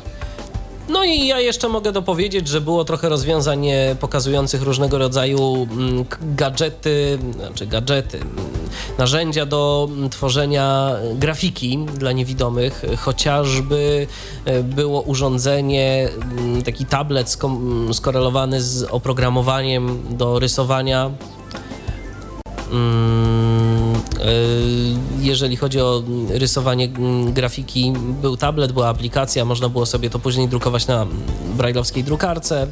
Y, Była taka drukarka brajlowska Phoenix, y, również służąca do między innymi drukowania grafiki, bo także do, do drukowania tekstu, ale pojawiło się tam razem z tą drukarką dosyć ciekawe oprogramowanie. Ja bardzo proszę kogoś, kto ma obok urządzenia rejestrującego komórkę, żeby ją gdzieś odsunął. Bo co chwilę do, do kogoś się ktoś chyba próbuje dodzwonić i, mm, są, i to po prostu sieje.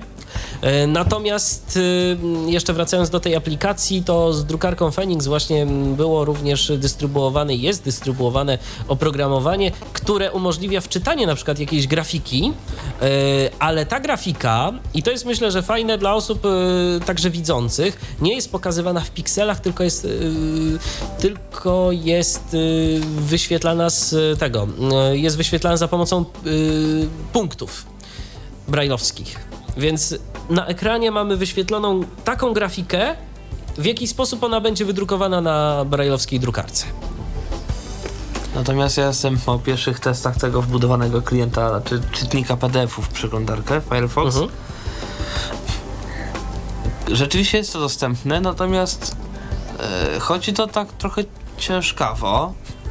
Zanim on wczyta stronę, to tam trochę mija. Przynajmniej pierwszy dokument jak czyta, bo jeszcze nie zmieniałem strony. Nie, przepraszam, zmieniałem stronę i też to chwilę zajęło. Więc nie jest to takie lekkie, łatwe i przyjemne.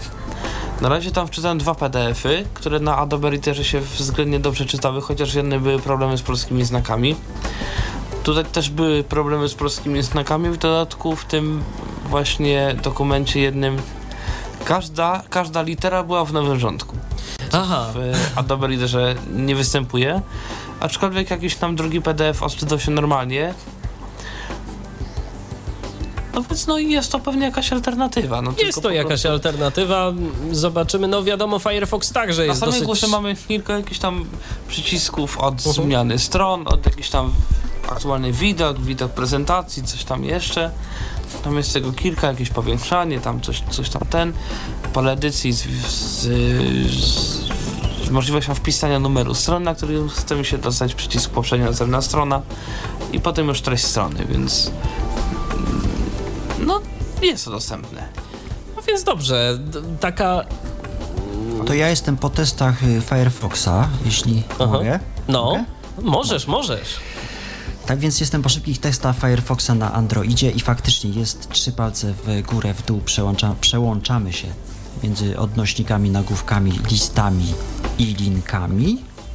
E, natomiast przechodzimy do tych elementów y, normalnym gestem e, prawo w lewo, że się tak wyrażę. Czyli nie trzy palce, tylko... I działa. Mm, Tak. Jestem bardzo ucieszony, jak kupi z bateryjki normalnie. No, także... mi tego brakowało. No, także to już jest no, kolejny gdzieś tam krok do przodu. Jeszcze tu mamy takie pytanie od Mieczysława.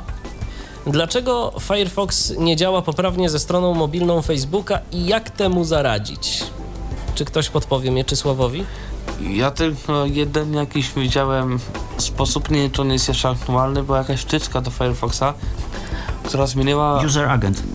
user agent i to się zmieniało na Internet Explorer i to Dokładnie. podobno coś pomagało. Bo pod Internet Tak, Explorerem Internet działa to, działa to dobrze, nie ma problemów. Pod Chromem też działa fajnie, polecam Chroma do, do, do Facebooka. Troszeczkę ta strona jest inna, ale generalnie w, też tam się wszystko... Ale wtedy korzystasz z mobilnej wersji Facebooka, czy Tak, z tej tak, tak, takiej oczywiście standardowej? tak. Z Aha, mobilnej, z aha, mobilnej. aha, okej. Ale nie, bo- ale nie, no bo z Firefox, znaczy bo w sumie, mm, bo mobilny Facebook działa mm, dobrze z tym nowym, e, znaczy nowy, nowy mobilny, mobilny Facebook działa z Firefoxem, tylko kwe- kwestia, że nie każdemu on mo, mo, mo, No właśnie mi Nie, jakoś on- nie on- działa. Wiesz co, Mi jakoś on nie działa. się wylogować. on działa o tyle dobrze, że w, na pierwszy rzut oka działa dobrze, ale jeśli chcesz tam coś z nim zrobić, to y, masz takie wrażenie, jakby ci fokus uciekał. I robisz to fokus i nie te- to, co tak. chcesz tak naprawdę. Tak, też prawda. I jak chyba też tam brakuje jakby pól edycyjnych. Na przykład y, z szukaniem, z czymś tam są jakieś przyciski, y, są jakieś elementy, które się rozwijają i jest to jeszcze, y, tak, to prawda, jest to jeszcze bardziej mylące potem niż w dużym Facebooku. I jeszcze Czasami. jedno pytanie od Mieczysława i myślę, że będziemy mogli zakończyć temat y, Sisana i przejść do, do Tyflo Podcastu. E, chociaż y, pytanie nie związane z Sisanem, no ale skoro y, słuchacz pyta, to postarajmy się odpowiedzieć, czy osoba niewidoma może jakoś skorzystać z Facebooka na telefonie, na przykład Nokia N95. No, chyba za pomocą mobilnej strony, tak? Czy... Tak, mobilnego.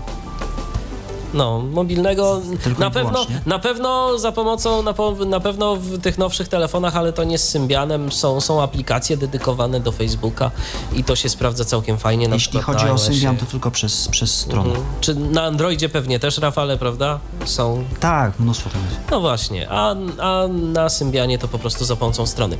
Dobrze, y, czy ktoś jeszcze chciałby coś dodać a propos Sisana? Tak, no ja tylko dopowiem, znaczy to co, to, co mówiłem na początku, że, mm, że mieliśmy polskie akcenty. Nie znam jeszcze szczegółów, ale trzy firmy z Polski, y, Altix, Harpo i, i Iwona Software były na, na, mm, na Sisanie. Y, Podobno to wczoraj się dowiedziałem z audycji w Radiu Warszawa, w której... No właśnie- Iwona Software to już jest taka firma powiedzmy polskawa niż polska. no tak, ale oni właściwie do końca nie wiem jak to, y, bo, ale, ale, ale, ale y, podobno się spóźnili w ogóle, bo samolot z Gda- Gdańska też tam i, i później przyjechali w ogóle na, na właśnie na Sisan. No i te firmy w sumie do końca nie wiem co one, no Harpo na pewno y, się prezentowało, jak, jak sądzę, te swoje brajlowskie rozwiązania, czyli, czyli, czyli maszyny Mountbatten y, i, i, i no Easy, Easy Link, czyli 12-znakowy monitorek y, brajlowski, zwany u nas Braille Penem, albo nasz Braille Pen zwany na, za granicą y, Easy Linkiem. Y, A Altix, z tego co wiem, to grafika wypukła, produkcja, produkcja grafiki i być może, ale tego nie, nie mam potwierdzonych informacji, być może NaviA, czyli dawny nawigator. Bo co by nie mówić, potencjał to urządzenie ma, natomiast myślę, że brakuje mu dobrego, dobrej ciągle obudowy, dobrego interfejsu i, i jakiegoś takiego mm, obudowania marketingowego lepszego, tak żeby ono mogło z jakimś e, trackerem na przykład konkurować. Chociaż tracker ma taką pozycję dobrą na rynku i w ogóle firmware na rynku amerykańskim, że może to być trudne.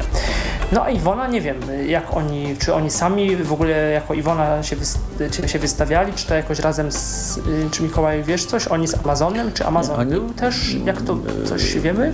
Ja wiem, że figurowali na liście wystawców osobno, tak? Jako, Mhm. jako osobny wystawca, osobną tak zwaną budkę mieli, czy jak to tam, nie wiem jak to, sto, stoisko.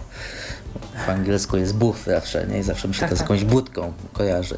Yy, W każdym bądź razie yy, wypisani byli jako, jako yy, osobny, osobny wystawca, wiadomo, twórca, dostawca wysokiej jakości syntezatorów mowy i ja przypuszczam, że oni są już na tyle mm, rozpoznawalną tam marką, tym bardziej, że oni przecież mają swoją, yy, znaczy teraz już jako część Amazonu, no to, to wiadomo, że, że, że są jakąś tam yy, częścią pewnej całości, ale przecież oni parę lat temu też swoje biuro otwarli w Stanach Zjednoczonych i, i tam jakby cały czas są obecni, prawda? I w różnego rodzaju y, przedsięwzięcia się angażują, także ten ich syntezator mowy jest no i tu i tam, ale też widzę tak po i po Sisanie, ale po tym co się w ogóle dzieje, że konkurencja jednak się robi dosyć, y, dosyć y, ostra, w szczególności jeżeli się na przykład słyszy o tym, że na przykład y, w najnowszym Wiktorze Humanware'a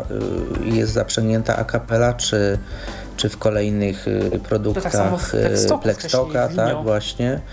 Też jest akapela i, i tutaj widzę, że y, konkurencja też nie śpi, tak? To, to też są dobrej jakości syntezatory, syntezatory mowy i, i, i, i teraz tylko patrzeć na to, mówię, no, Iwonę mamy w Kindlu, tak? Już od jakiegoś od jakiegoś czasu, tak? Więc y, no zobaczymy, zobaczymy. Więc tylko Na czekać teraz, żeby ta dostępność gdzieś tam się y, polepszyła po prostu y, tego, tego Kindla na przykład, żeby tam jakiś screen reader się pojawił, żeby nie była synteza tylko i wyłącznie do czytania tekstu. I może to coś nam dać fajnego. Także no tyle myślę, że chyba o Sisanie. Mm, Trochę ciekawych rzeczy można było zobaczyć, natomiast y, jakichś rewolucji to chyba się zgodzicie ze mną, że nie było.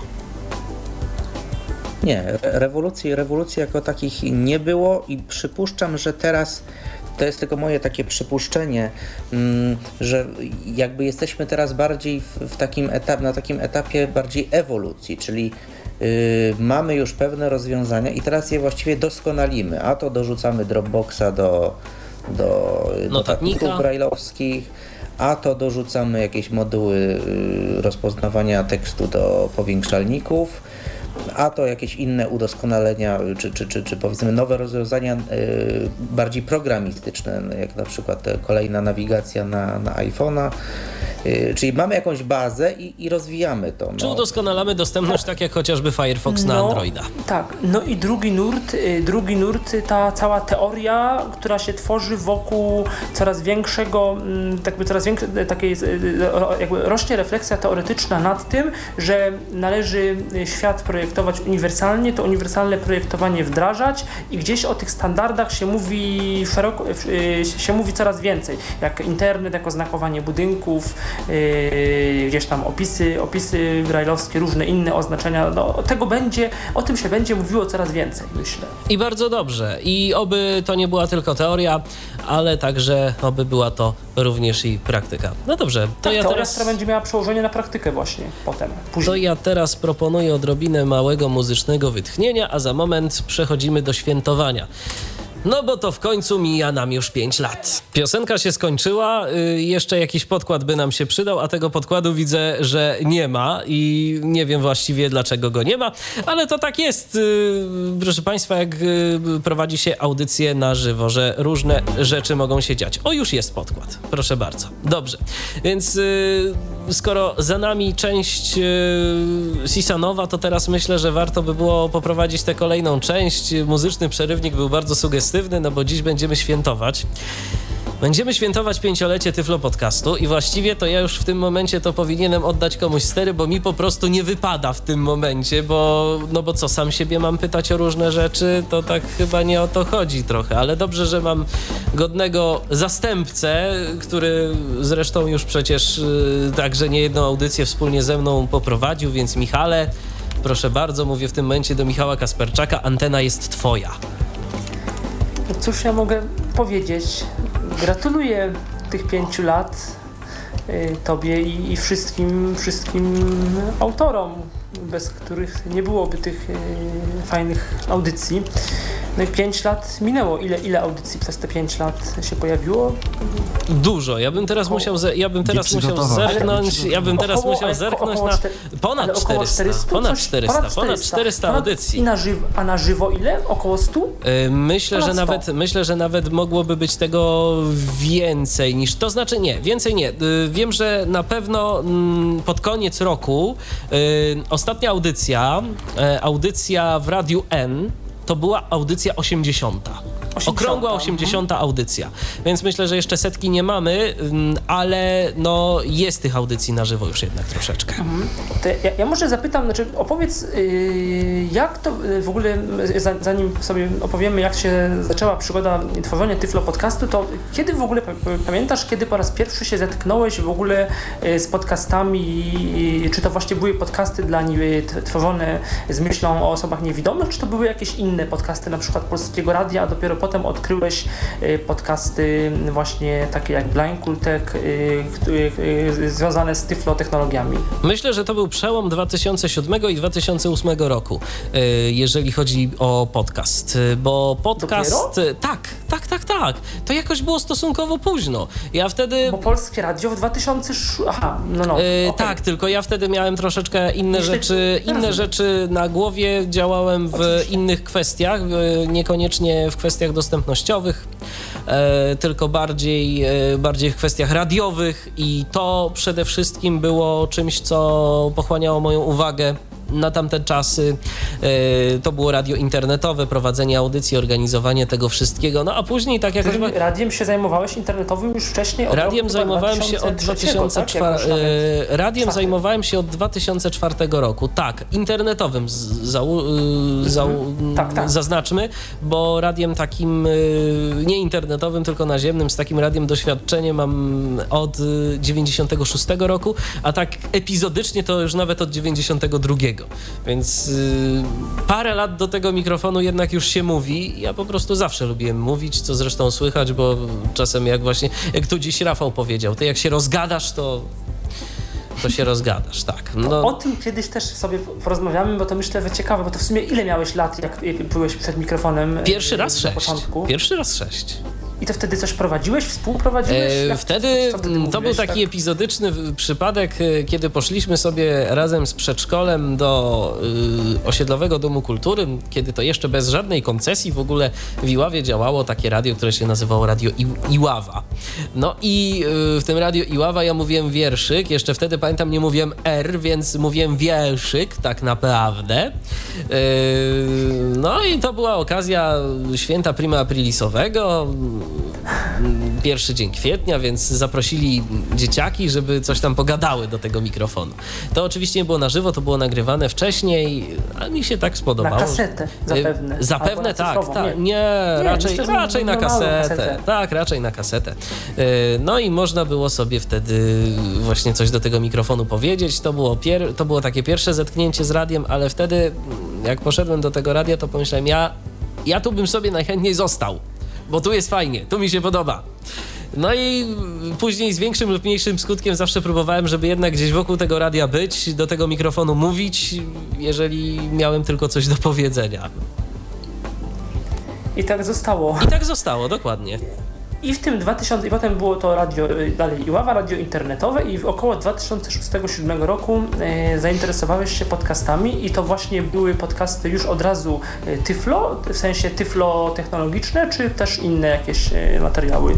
Właśnie ciężko mi powiedzieć, co to było na początku. Wiem, że to były podcasty. Na pewno y, część. Y, pamiętam, że mm, jeden z pierwszych podcastów takich nie tyflo to były, to były podcasty Martina Lechowicza. Jednego z bardziej y, zasłużonych, y, jeżeli chodzi o staż polskich podcasterów. y, Nagrywającego na różne, różne tematy, poważne i mniej poważne. To ten jego pierwszy podcast to była masa krytyczna, jak dobrze pamiętam. E, No i właśnie wtedy, ale także wtedy szukałem tych podcastów zagranicznych. Wtedy trafiłem na taki serwis Blind Kultek, który niestety ostatnio podupadł i to strasznie. Tam od, tak, od roku się tam nic. Ostatni podcast to chyba jest Windows y, z, Z Windowsem 8, y, tak. Z Windowsem 8 Tak. i jakby koniec. Jakby koniec, wielka szkoda. RSS. Wielka szkoda, bo myślę, że tam jeszcze jest sporo do zrobienia. No co zresztą widać, bo, bo my cały czas nagrywamy, jakoś nie możemy przestać i nie, i nie mamy zamiaru przestać, e, więc y, jest, A jest o czym mówić. y, Pierwszy pod, pamiętasz pierwszy podcast y, właśnie taki technologiczny, który wysłuchałeś, albo jakiś jeden z pierwszych, coś, coś tak ciebie ujęło w tych nie, audycjach? Nie, Tak? nie pamiętam, ale pamiętam, że bardzo mi się wtedy na tamte czasy spodobało rozwiązanie, o którym mówili w Blind Kulteku. Wtedy, kiedy ich słuchałem bardzo intensywnie, to był, to było urządzenie notatnik Icon.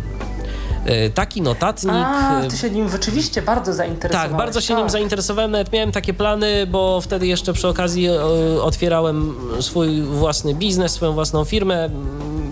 Gdyby troszeczkę się inaczej plany potoczyły i inaczej e, wszystko, to, to, to może byłbym kolejnym tyflodystrybutorem sprzętu, bo, bo nawet miałem to w planach, żeby, żeby właśnie polonizować tego Icona. E, Bo to było na tamte czasy bardzo fajne urządzenie i bardzo mi się podobały te prezentacje. To, to, Przede wszystkim tańsze. y, Tak, o, tak, tak, około tak. połowy tańsze od innych, od innych rozwiązań. Dokładnie. Kamila pani Juli mu opowiadała. Y, też, Tak, też. tak. Y, pani opowiadała, pan też opowiadał, pan, pan jeden z w- właścicieli y, firmy, która mm, jest odpowiedzialna za stworzenie Icona. Także, także było kilka podcastów na ten temat. I później co? I później jakoś tak e, zacząłeś e, jakoś tak, tak, tak myśleć, e, czy by właśnie nie utworzyć czegoś na polskim e, takim e, tyflo. Powiem szczerze, jeszcze- zacznijmy. czy- Wiesz co, Michał, ja powiem ci w ten sposób. Ja nie myślałem, ja zrobiłem. Bo y, od myślenia, y, jak za dużo myślisz, y, to, to potem może się okazać, że się nic nie zrobi. A to był taki impuls. Po prostu y, sytuacja była, te, sytuacja wyglądała w ten sposób, że ja najzwyczajniej w świecie postawiłem jakiegoś tam WordPressa z domyślną skórką po prostu, no z domyślną, żadną tam zaawansowaną, nic w nim nie zmieniałem. Postawiłem WordPressa, wtedy wyczytałem o serwisie Archive, archive.org, który ma y, możliwości takie, że przechowuje pliki audio, można tam sobie te pliki wstawiać. No i tyle. I publikowałem po prostu pierwsze podcasty na Tyflo Podcaście, który wtedy jeszcze miał adres www.tyflopodcast.w.pl. To były aliasy nieistniejącego już serwisu Polbox. Mhm.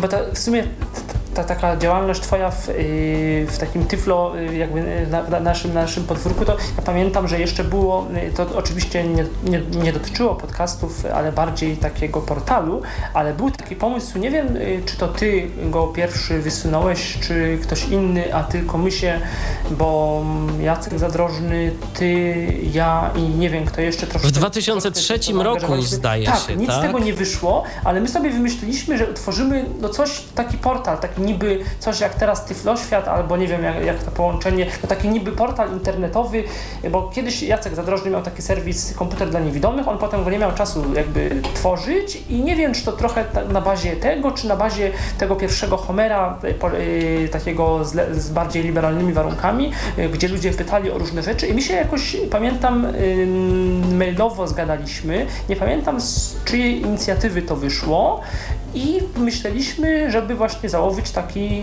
coś w rodzaju takiego portalu internetowego. Zgadza się, ja pamiętam, że to.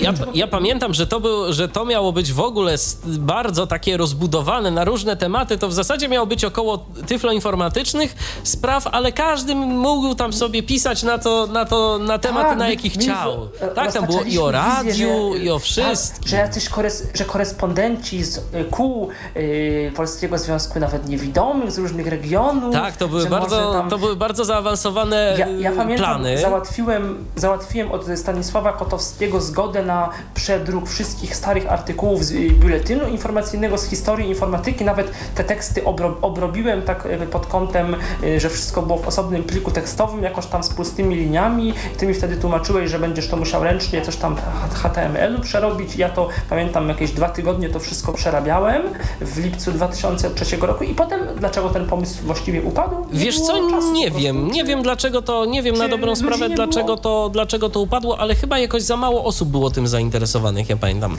Y, I był też problem z hostingiem tak naprawdę wtedy, tak. bo nie ja bardzo było wiadomo.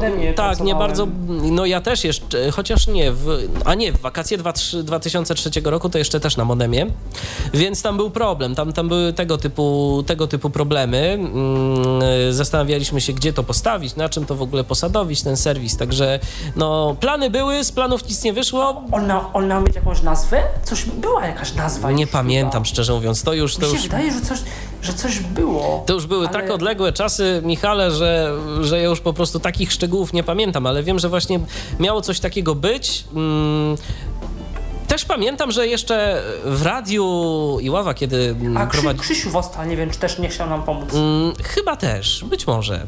Ale pamiętam, że jeszcze też w radiu Iława, kiedy prowadziłem taką audycję Rockinet, czyli audycję o y, komputerach, o internecie, y, y, okraszoną taką muzyką rockową, y, to również y, pojawiały się czasem tam audycje na temat y, osób niewidomych.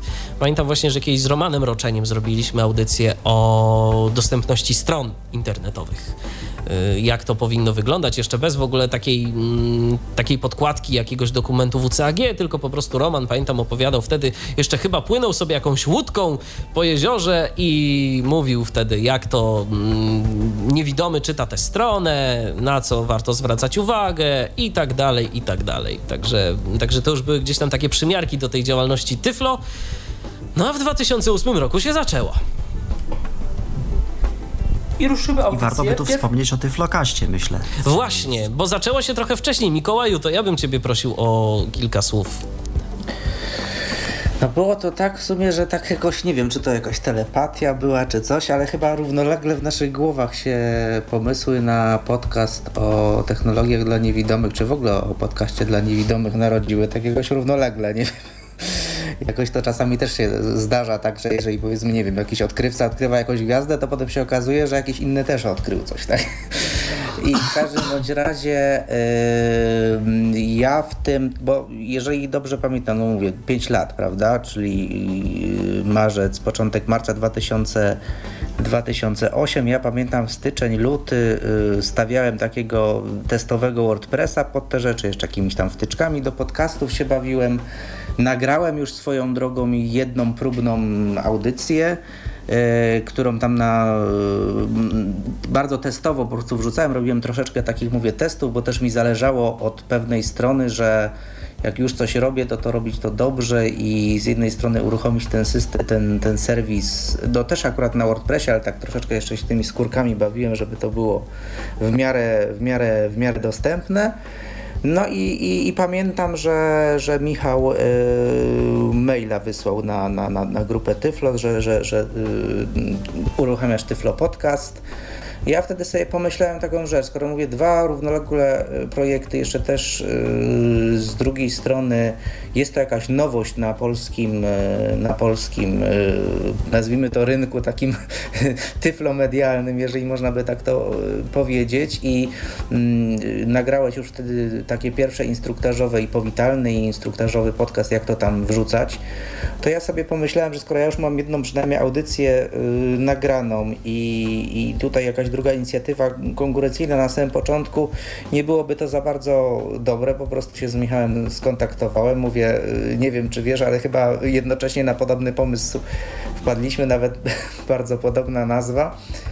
I, i, zaproponowałem, że, że po prostu y, ja ten mój projekt, że tak powiem, y, zarzucę na rzecz, na rzecz tutaj rozwoju tak, ja pamiętam, że wtedy jeszcze ty mi pomagałeś y, w konfiguracji WordPressa, nieco takiej bardziej zaawansowanej, bo tam były problemy, pamiętam też jeszcze częściowo z dostępnością. Bawiliśmy się jeszcze feedburnerem, żeby te RSS-y jakoś działały, żeby jakąś statystykę sobie dopiąć, zobaczyć, jak to się ludziom podoba w ogóle. Także to były takie rzeczy, bo, bo ten WordPress, proszę Państwa, który ja postawiłem, to Stworzenie Tyflo Podcastu zajęło mi może z jakieś 10 minut, przy czym większość e, czasu e, z tych 10 minut to było wrzucanie plików na serwer, e, stworzenie strony, bo ja tam naprawdę wiele nie, nie modyfikowałem, bo uznałem, że i teraz powiem coś, co część osób mnie zapewne zlinczuje, albo nie wiem, ale może niekoniecznie, ale, ale tak sobie wtedy myślałem. Skoro to i tak ma być dla osób niewidomych, to po co ja będę się wysilał i dbał o szatę graficzną? Tak sobie, tak sobie pomyślałem, byleby to jakoś działało, byleby można było sobie korzystać z tych yy, podcastów, z tej skórki, otwierać, byleby sobie można było te pliki zasubskrybować do RSS-a, a kiedyś tam może zrobi się jakąś szatę graficzną, bo to wiedziałem, że to yy, Ja myślę, że to nie że jest to nic, nic, złego, bo znamy, znamy wiele różnych dziwnych, yy, szumnych projektów, które mają ładne strony internetowe z ładną, treść, z ładną jakby treścią dotyczącą samej strony, samej idei, ale z zawartością merytoryczną kiepską, a ty po nie prostu od razu postawiłeś wrzucajmy, niech ludzie wrzucają, liczy się, liczy się treść, a najwyżej skórkę e, poprawimy po prostu. Kiedyś tam się zrobi, bo ja po prostu byłem bardzo ciekaw, jak się... Mm, jakie będzie zainteresowanie ludzi tym projektem? Czy w ogóle uważają, że coś takiego ma sens? No i zainteresowanie było. A teraz może zaprezentuję fragmencik yy, audycji, która w Tyflo Podcaście umieszczona jest jako pierwsza. Ona w rzeczywistości nie jest pierwsza, bo wcześniej yy, pojawiła się informacja o tym, jak nagrywać podcasty. Tam był w ogóle jeszcze jeden taki testowy odcinek, w którym mówiłem coś tam raz, dwa, trzy, cztery, witam w Tyflo Podcaście albo coś w tym stylu. No ale uznałem, że tego nie ma sensu trzymać, tym bardziej, że, że sporo rzeczy się zmieniło. Więc pierwszą audycję w Tyflo Podcaście na stronie nie przedstawiam jej ja, tylko przedstawia ją obecny tu Tomek Bilecki, którego też myślę, że za moment będziemy mogli zapytać o to, jaka była jego przygoda z Tyflo Podcastem, a pierwsza audycja brzmi tak. Witam wszystkich, jestem Tomek Bilecki. No i dzisiaj zaprezentuję Wam kajetka. firmy ECE. To jest chyba najtańszy notatnik brajlowski, kajetek. Mm, jeżeli chodzi o wygląd, to ma tak 8 klawiszy, takich jak. Znaczy w ogóle, no może od początku. Yy, wielkość to jest powiedzmy jakieś 16 cm na nie wiem 7, 8 na jakieś 3 powiedzmy w ten sposób. No i to jest taki trochę prostokąt, ale te jakby dłuższe krawędzie on ma takie bardziej zaokrąglone i na górze z tego prostokątu y, są, jest, wystaje 8 klawiszy, takich jak w klawiaturach komputerowych. One są takie mniej więcej na, na wielkość i, i, i w ogóle. I one są ułożone podobnie jak y, są 3, jest przerwa i znowu 3, to jest wszystko w poziomie. I pod nimi są jeszcze dwa takie same klawisze, tak mniej więcej na, na środku całego urządzenia. Po lewej stronie, ale jeszcze nie w rogu, jest y, jakby przestrzeń, znaczy powierzchnia jest taka troszeczkę jakby wykratkowana.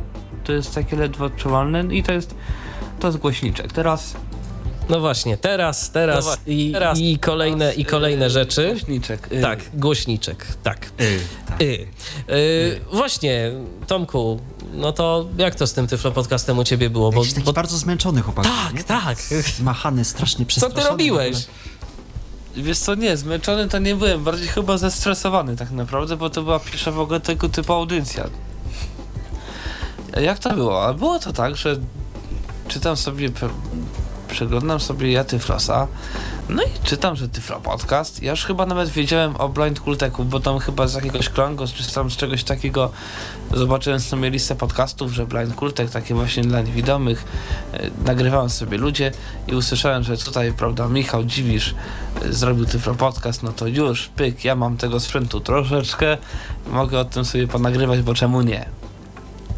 No i nagrałem, oczywiście wtedy nikomu się nie... Znaczy nie no, jak ktoś był bardzo porządny, to się komuś śniło o jakiejś obróbce, wycinaniu wszystkich, e, a ja, że nie należy do ludzi porządnych i chyba tak stwierdziłem, że jak ktoś chce posłuchać, to chce i tak posłucha.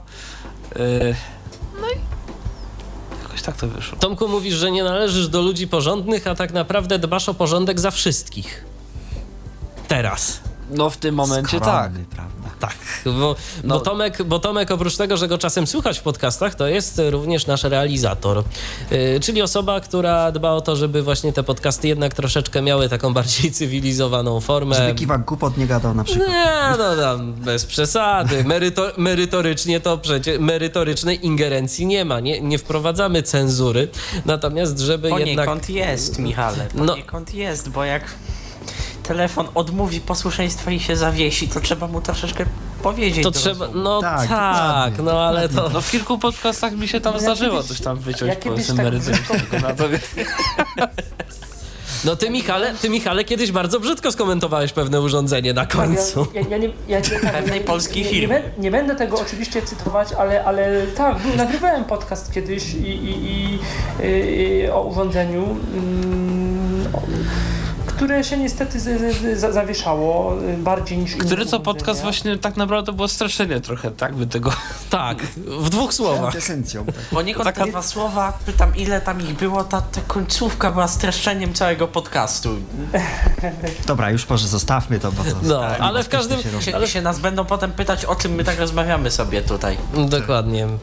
E, W każdym razie, no takie, takie to były, takie to były historie. To był pierwszy podcast, y, który można znaleźć na naszej stronie na Potem właśnie chyba był www.tyflopodcast.net. Mikołaj z tym Wiktorem. Oj nie, Mikołaj Nie, był Pac-Mate, później. Jest. tak, potem był Pac-Mate. Potem był Pac-Mate. Dokładnie. No, jaki Potem- on tam mój. po drodze jeszcze Braille Sense chyba był, taki testowy. Później, to, to y, Braille Sensy Nie, to, to- trochę później.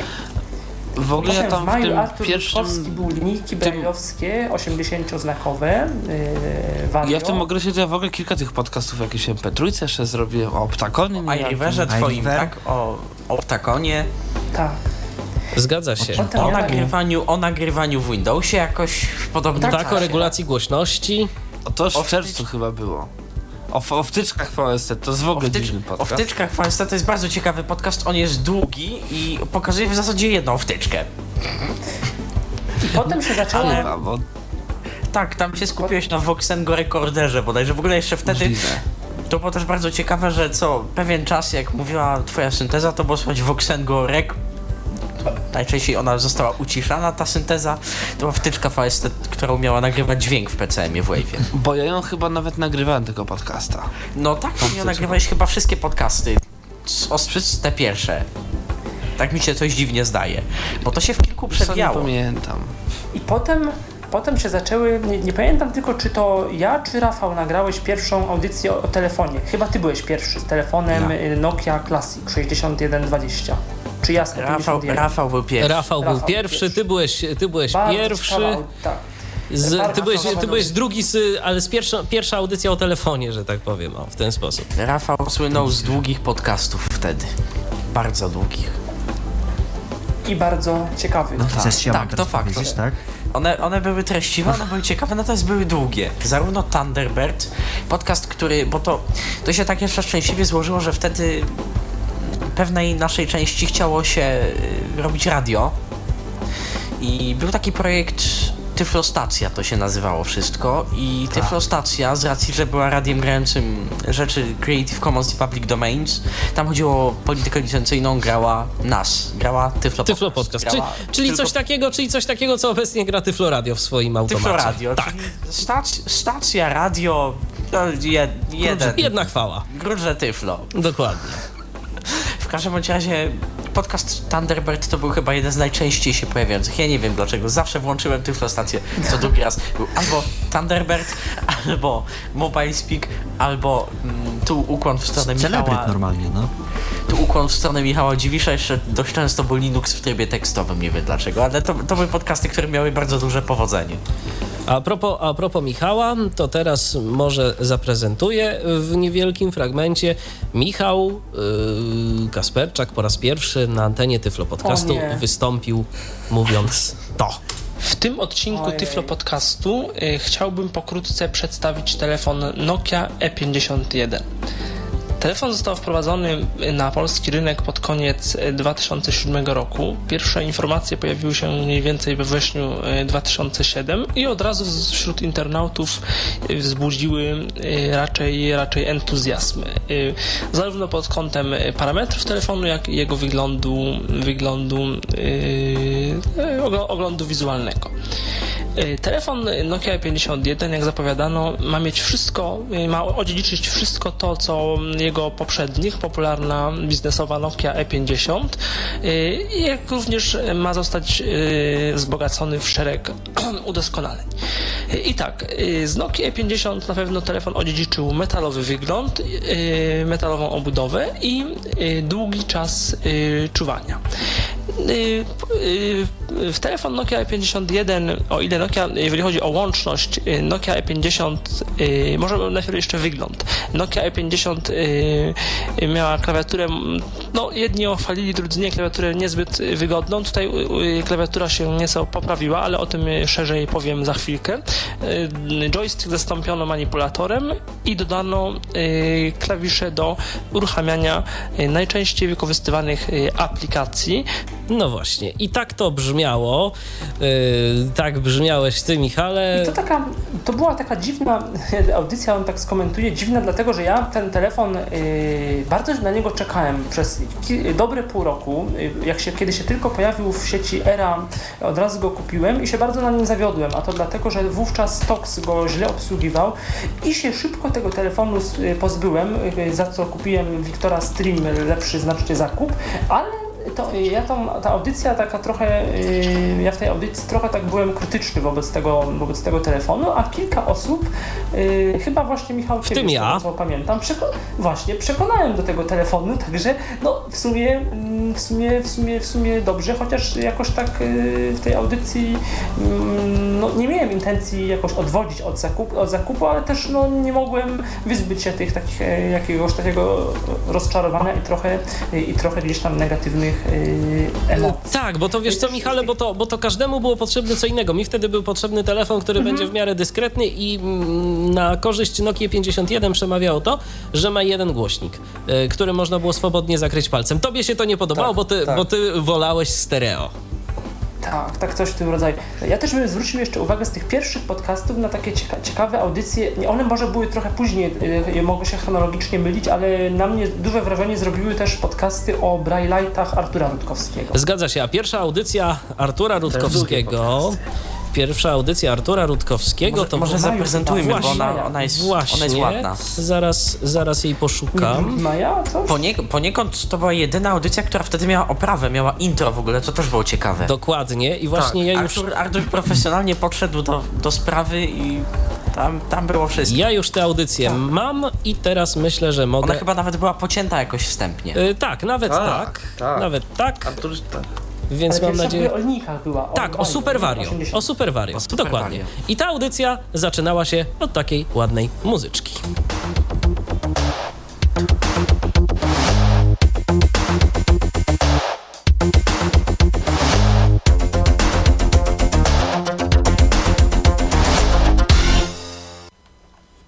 Witam wszystkich y, słuchaczy Tyflo Podcasta. Ja się nazywam Artur Rutkowski i to jest mój pierwszy y, podcast, pierwsza cegiełka do Tyflo Podcast, a o ile dobrze pamiętam jest to odcinek y, 18. Mm, Najpierw powiem, gdzie się znajduję. Ehm, Jest to y, pracownia Tyflodydaktyki Katolickiego Uniwersytetu Lubelskiego. Jest to taka instytucja, która się zajmuje przetwarzaniem książek y, czarnodrukowych na potrzeby y, osób niewidomych, czyli skanowanie, obrabianie, y, drukowanie w brailu i tego typu mniej więcej czynności. Przyjechałem tutaj na, w to miejsce, żeby opisać Wam urządzenie, ponieważ to nie jest moje urządzenie, które jest przede mną. E, Jest to urządzenie właśnie należące tutaj do, do, do, do, tego, e, do tej instytucji. E, Jest to z jednej strony bardzo wszystkim niewidomym znane narzędzie, ponieważ jest to monitor brailleowski. Ja idei monitora brailleowskiego oczywiście opowiadać nie będę, ponieważ myślę, że jest to urządzenie jak najbardziej znane. Oczywiście, że jest znane i tak właśnie prezentował y, ten monitor, monitor Vario, mm, Artur Rutkowski. Y, Długa audycja i właśnie Artur też jeszcze później opowiadał o Braille'ach, to, to się zgadza, a Artur później za, zapoczątkował taki temat, który niestety na chwilę obecną jakoś słabo się rozwija, ale może kiedyś zacznie. Mm, Jeszcze będzie miał swoją drugą młodość. Linux. Y, Artur sporo, sporo materiałów y, nagrał takich bardzo teoretycznych, niemniej jednak myślę, że przepraszam bardzo, myślę, że jednak wartościowych na temat właśnie dostępnego Linuxa, przede wszystkim w trybie tekstowym. Tak myślę, czy coś jeszcze w tym pierwszym okresie No, o Linuxie w takiego- trybie tekstowym to mówiłeś głównie To ty, ja też, Michale. no ja też nagrałem, nie, ale ja, ale ja nagrałem, ale ja nagrałem, ja nagrałem od strony praktycznej. I szczerze, Tak, po, I szczerze powiem, że ja się bardzo cieszę, że niektórym y, ten Linux w trybie tekstowym dał, y, bo ja, do, ja, jak mnie pamięć nie myli, to chyba właśnie jeden z naszych y, tu współpro, współprowadzących, może niekoniecznie w tej audycji, ale niejaki Tomek Kowalik, on kiedyś mówił, że właśnie po tej audycji, po audycji z Linuxem, to on się zainteresował generalnie pracą w konsoli, no i teraz powiem szczerze, jak, że... jak, sam, jak sam do dzisiaj mówi, kupił, kupił konto szerowe, średnio wiedząc, co to jest konto szerowe. Tak, i i powiem- nie wiedząc, i powiem szczerze- i powiem za 100, szczerze, że za wiedza- złotych 100, chyba 20. Zgadza się i powiem szczerze, że w tym momencie wiedza Tomka to jest y, wiedza, co do której no, no ja po prostu... Uczeń To, no i to z 10 albo 100 razy. To się zgadza. O głowę i trumnę. Dokładnie, Tak dokładnie. szczerze mówiąc. Także, także to, to po prostu ja się bardzo cieszę, ja się bardzo cieszę, że ta audycja komuś pomogła. To jest, bardzo fajne. Dokładnie. W ogóle, jeśli mamy materiały, jeśli tak można luźną dygresyjkę, może pokażmy, że młodzi ludzie, między innymi wspomniany Tomek, brali udział w Tyflo Podcaście będąc młodymi. Mam tu na myśli podcast o pracy zdalnej z Windows. Dokładnie, to- już to za- był dość późno. To za chwileczkę do tego wszystko- przejdziemy. To za chwileczkę do tego y, przejdziemy. Y, A teraz może jeszcze co, y, coś jeszcze warto by było powiedzieć o tym pierwszym? Coś, coś wam mm, utkwiło gdzieś w pamięci? No przede wszystkim to sprzęt, na jakim to się robiło, prawda? Że każdy nagrywał na tym, co miał pod ręką.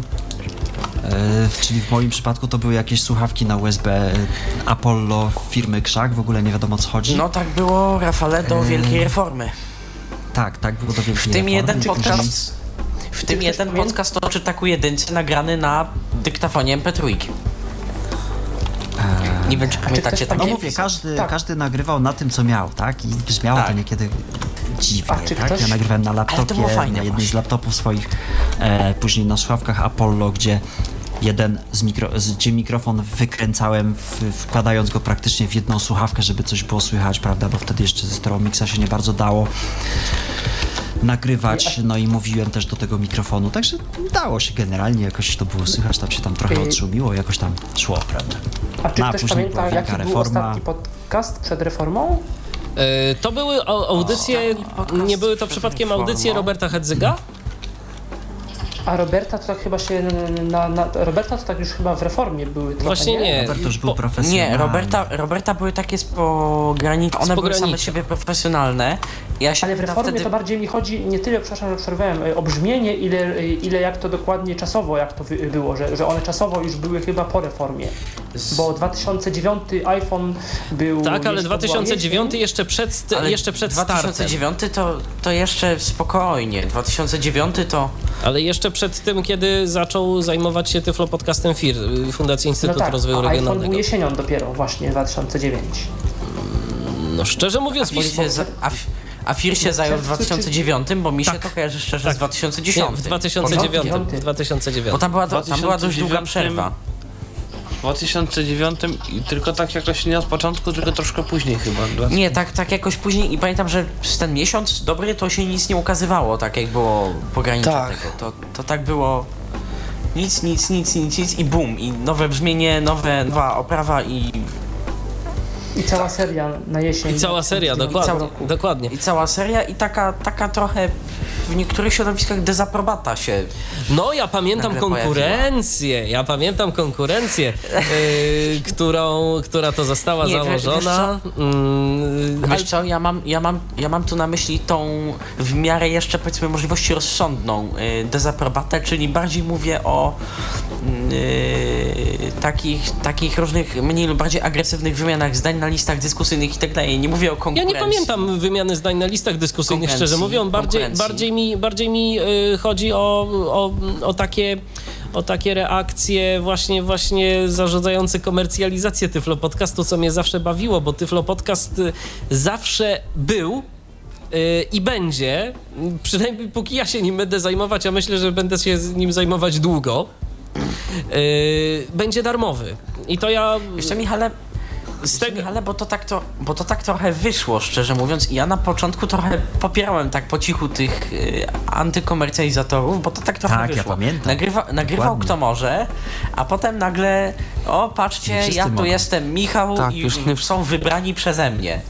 Tak, bo, bo, generalnie, bo generalnie pierwszy, e, pierwszy etap Tyflo Podcastu to, była taka, to był taki etap próbny, który, za pomocą którego ja chciałem zobaczyć, jak w ogóle podcasting się przyjmie.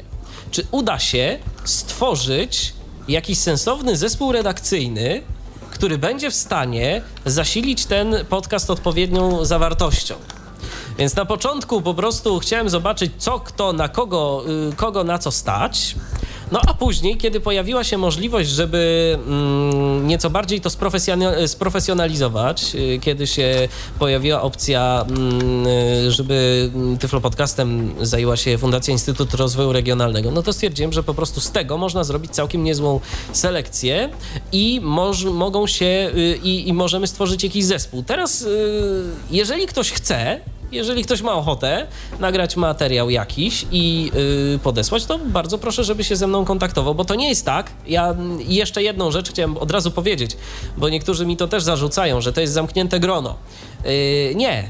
Jeżeli ktoś chce, jeżeli ktoś yy, czuje, że ma coś do powiedzenia, chciałby coś nagrać, yy, to proszę. Jeżeli to się będzie nadawało, to to zostanie opublikowane. Wiadomo, no nie wszystko się nadaje, bo czasem są po prostu takiej jakości materiały, że, no, że to trochę ciężko. Tak, no nie. Ale wcale nie jeżeli... jest na to, że to musi być nagrane super jakością audio, bo na przykład widziałem swego czasu obrabiałem kilka takich podcastów, to była seria dotycząca Office'a. To możemy chyba by się wymienić z imienia i Przez- nazwiska audio Przez Sylwka Sylwestra Piekarskiego. Przez Sylwa dokładnie. i ja byłem, znaczy byłem, jestem nadal pod wrażeniem tego, że dobra, podcast on był nagrywany na, średniej, śred, na sprzęcie średniej jakości, ale to nie o to chodzi. To było mówione naprawdę ładnie, płynnie, po to oczywiście to już i tak było w pewnym sensie obrobione. Ja tam w zasadzie prawie nie miałem nic do roboty z tym podcastem. Czyli to jest pewnie wynika z tego, że Sylwek jednak ma duże doświadczenie szkoleniowe. On jednak od lat szkoli. Tak, i to po prostu słychać. jest to. to.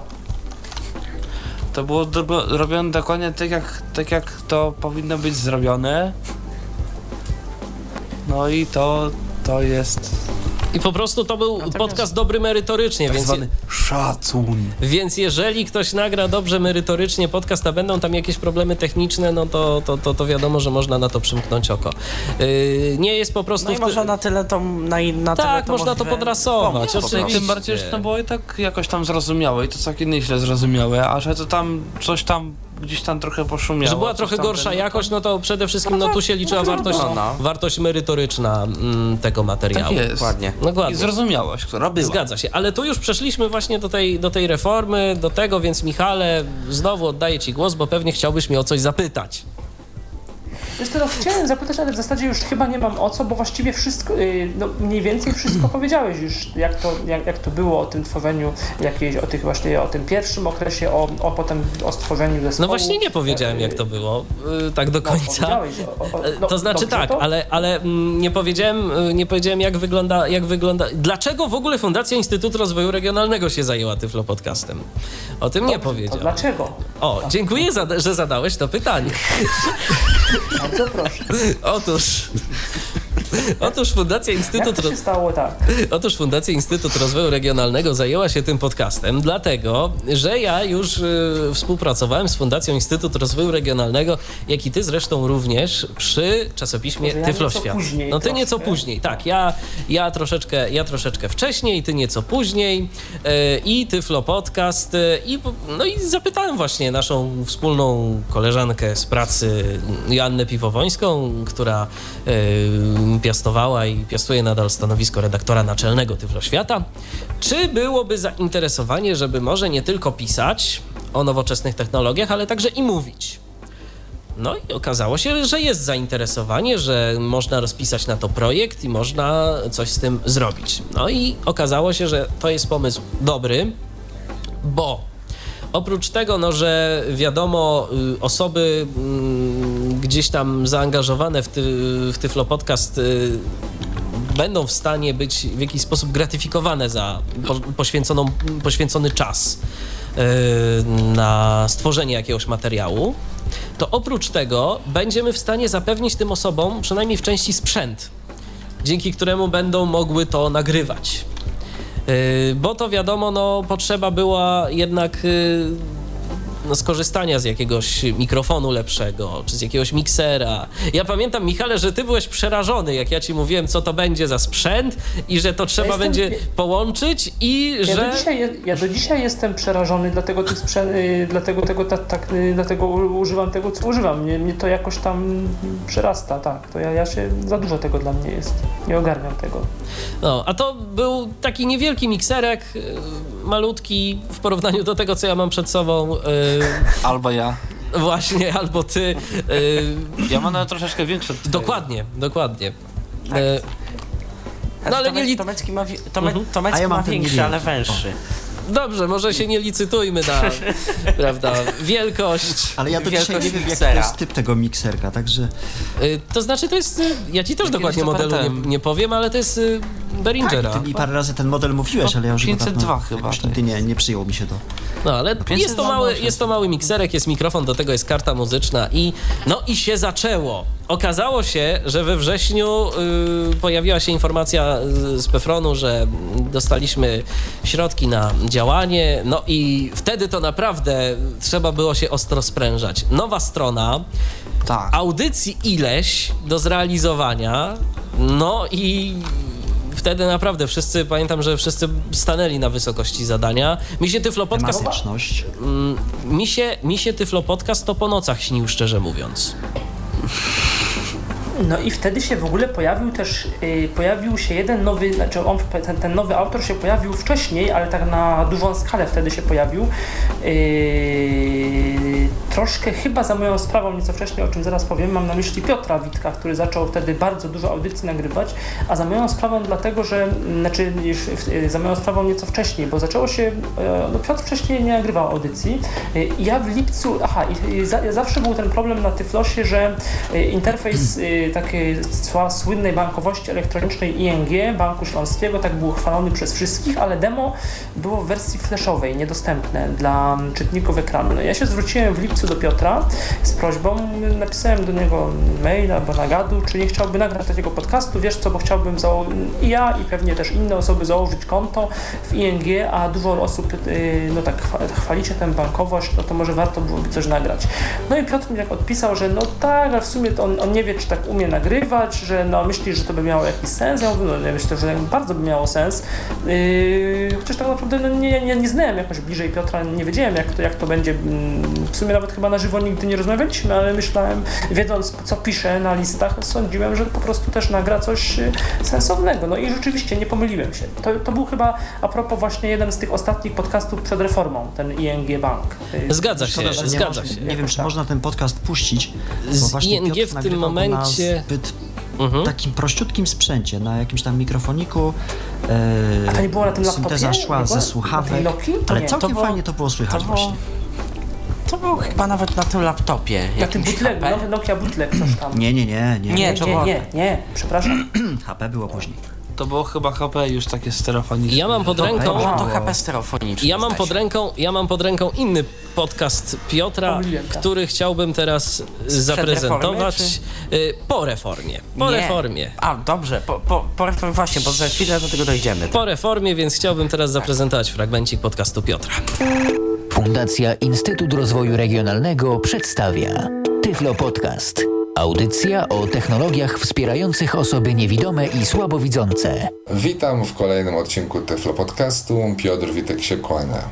Chciałbym dzisiaj zaprezentować Wam mówiący dzbanek, który umożliwia nam odmierzanie ilości cieczy z dokładnością do 5 ml. Komu taki dzbanek może być potrzebny?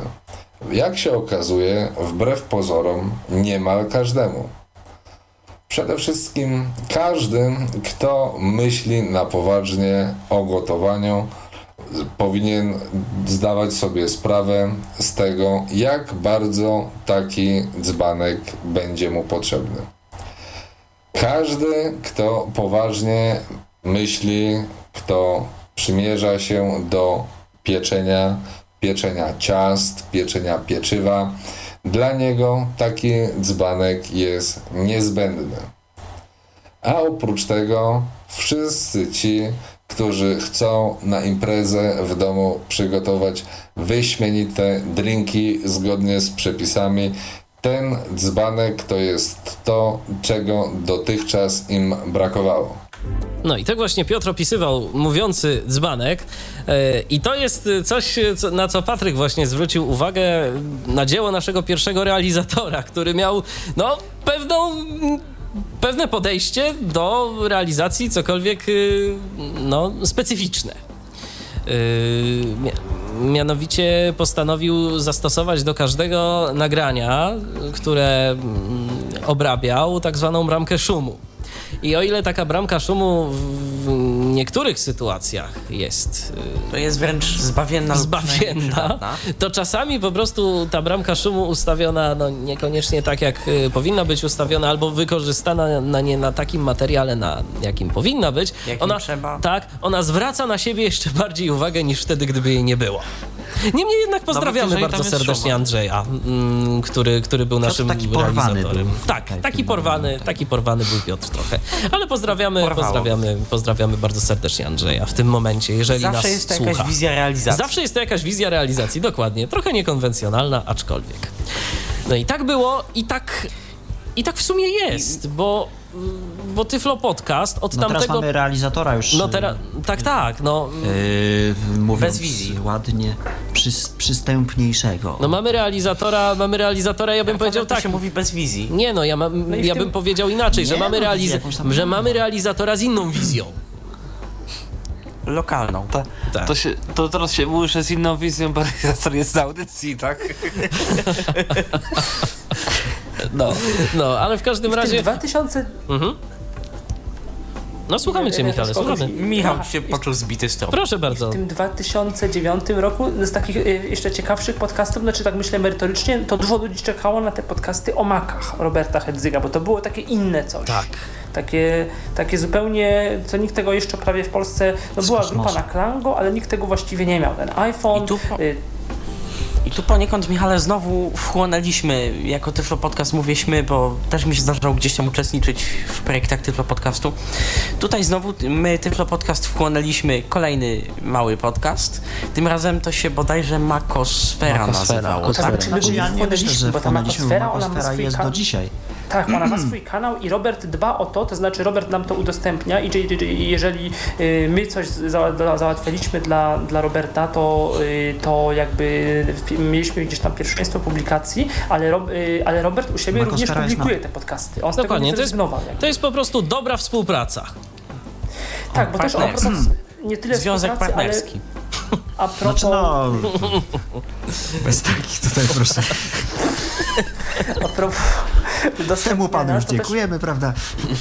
Też trzeba powiedzieć, że no jakby dzięki, dzięki temu, że dzięki temu, że y, podcast, y, że, że, że, że, jesteśmy w projekcie y, Pefronu, że podcast po- przyszedł po- pod egidę y, gdzieś tam y, fundacji, to y, no dzięki temu łatwiej nam na pewno y, załatwiać różne, mm, różne sprzęty do testów. Różne Tak, bo kiedyś było tak, bo kiedyś było tak, że, Że- każdy co miał, to prezentował Tak, i grywał. ciężko było y, uzyskać jakiekolwiek y, elementy, tak, innego. jakikolwiek sprzęt zewnętrzny. Ja widzę, że Mateusz próbuje się do nas bardzo dodzwonić, to odbierzmy może telefon od Mateusza. Witamy cię Mateuszu, halo. Halo? No słyszymy cię, słyszymy cię i słuchamy. E, ja mam takie zapytanie, bo poruszono ten temat e, przysyłania do Państwa materiałów swoich Tak.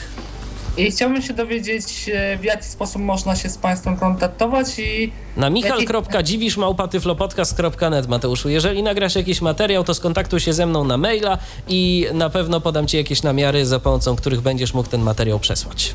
E, a jakie tematy to mogą być związane z taką naszą tyfloinformatyką? Z naszą tyfloinformatyką przede wszystkim, z oprogramowanie, sprzęt, no chyba, że masz pomysł jakiś inny, o czym byś chciał opowiedzieć, związany z osobami niewidomymi, yy, gdzieś tam, yy, tak jak no chociażby Ala Witek przecież yy, prowadzi audycje kulinarne w Tyflo Podcaście, więc może ty masz jakąś też nową konwencję programową. Jeżeli coś masz ciekawego, to proszę cię bardzo skontaktuj się ze mną, podyskutujemy o tym, a jeżeli już masz jakiś materiał, to, rozumiem. to, to, to, E, to, tu prośbę, żeby napisać to maila na sklepie? E? Dobrze, dobrze. Za chwileczkę ci, za chwileczkę ci napiszę.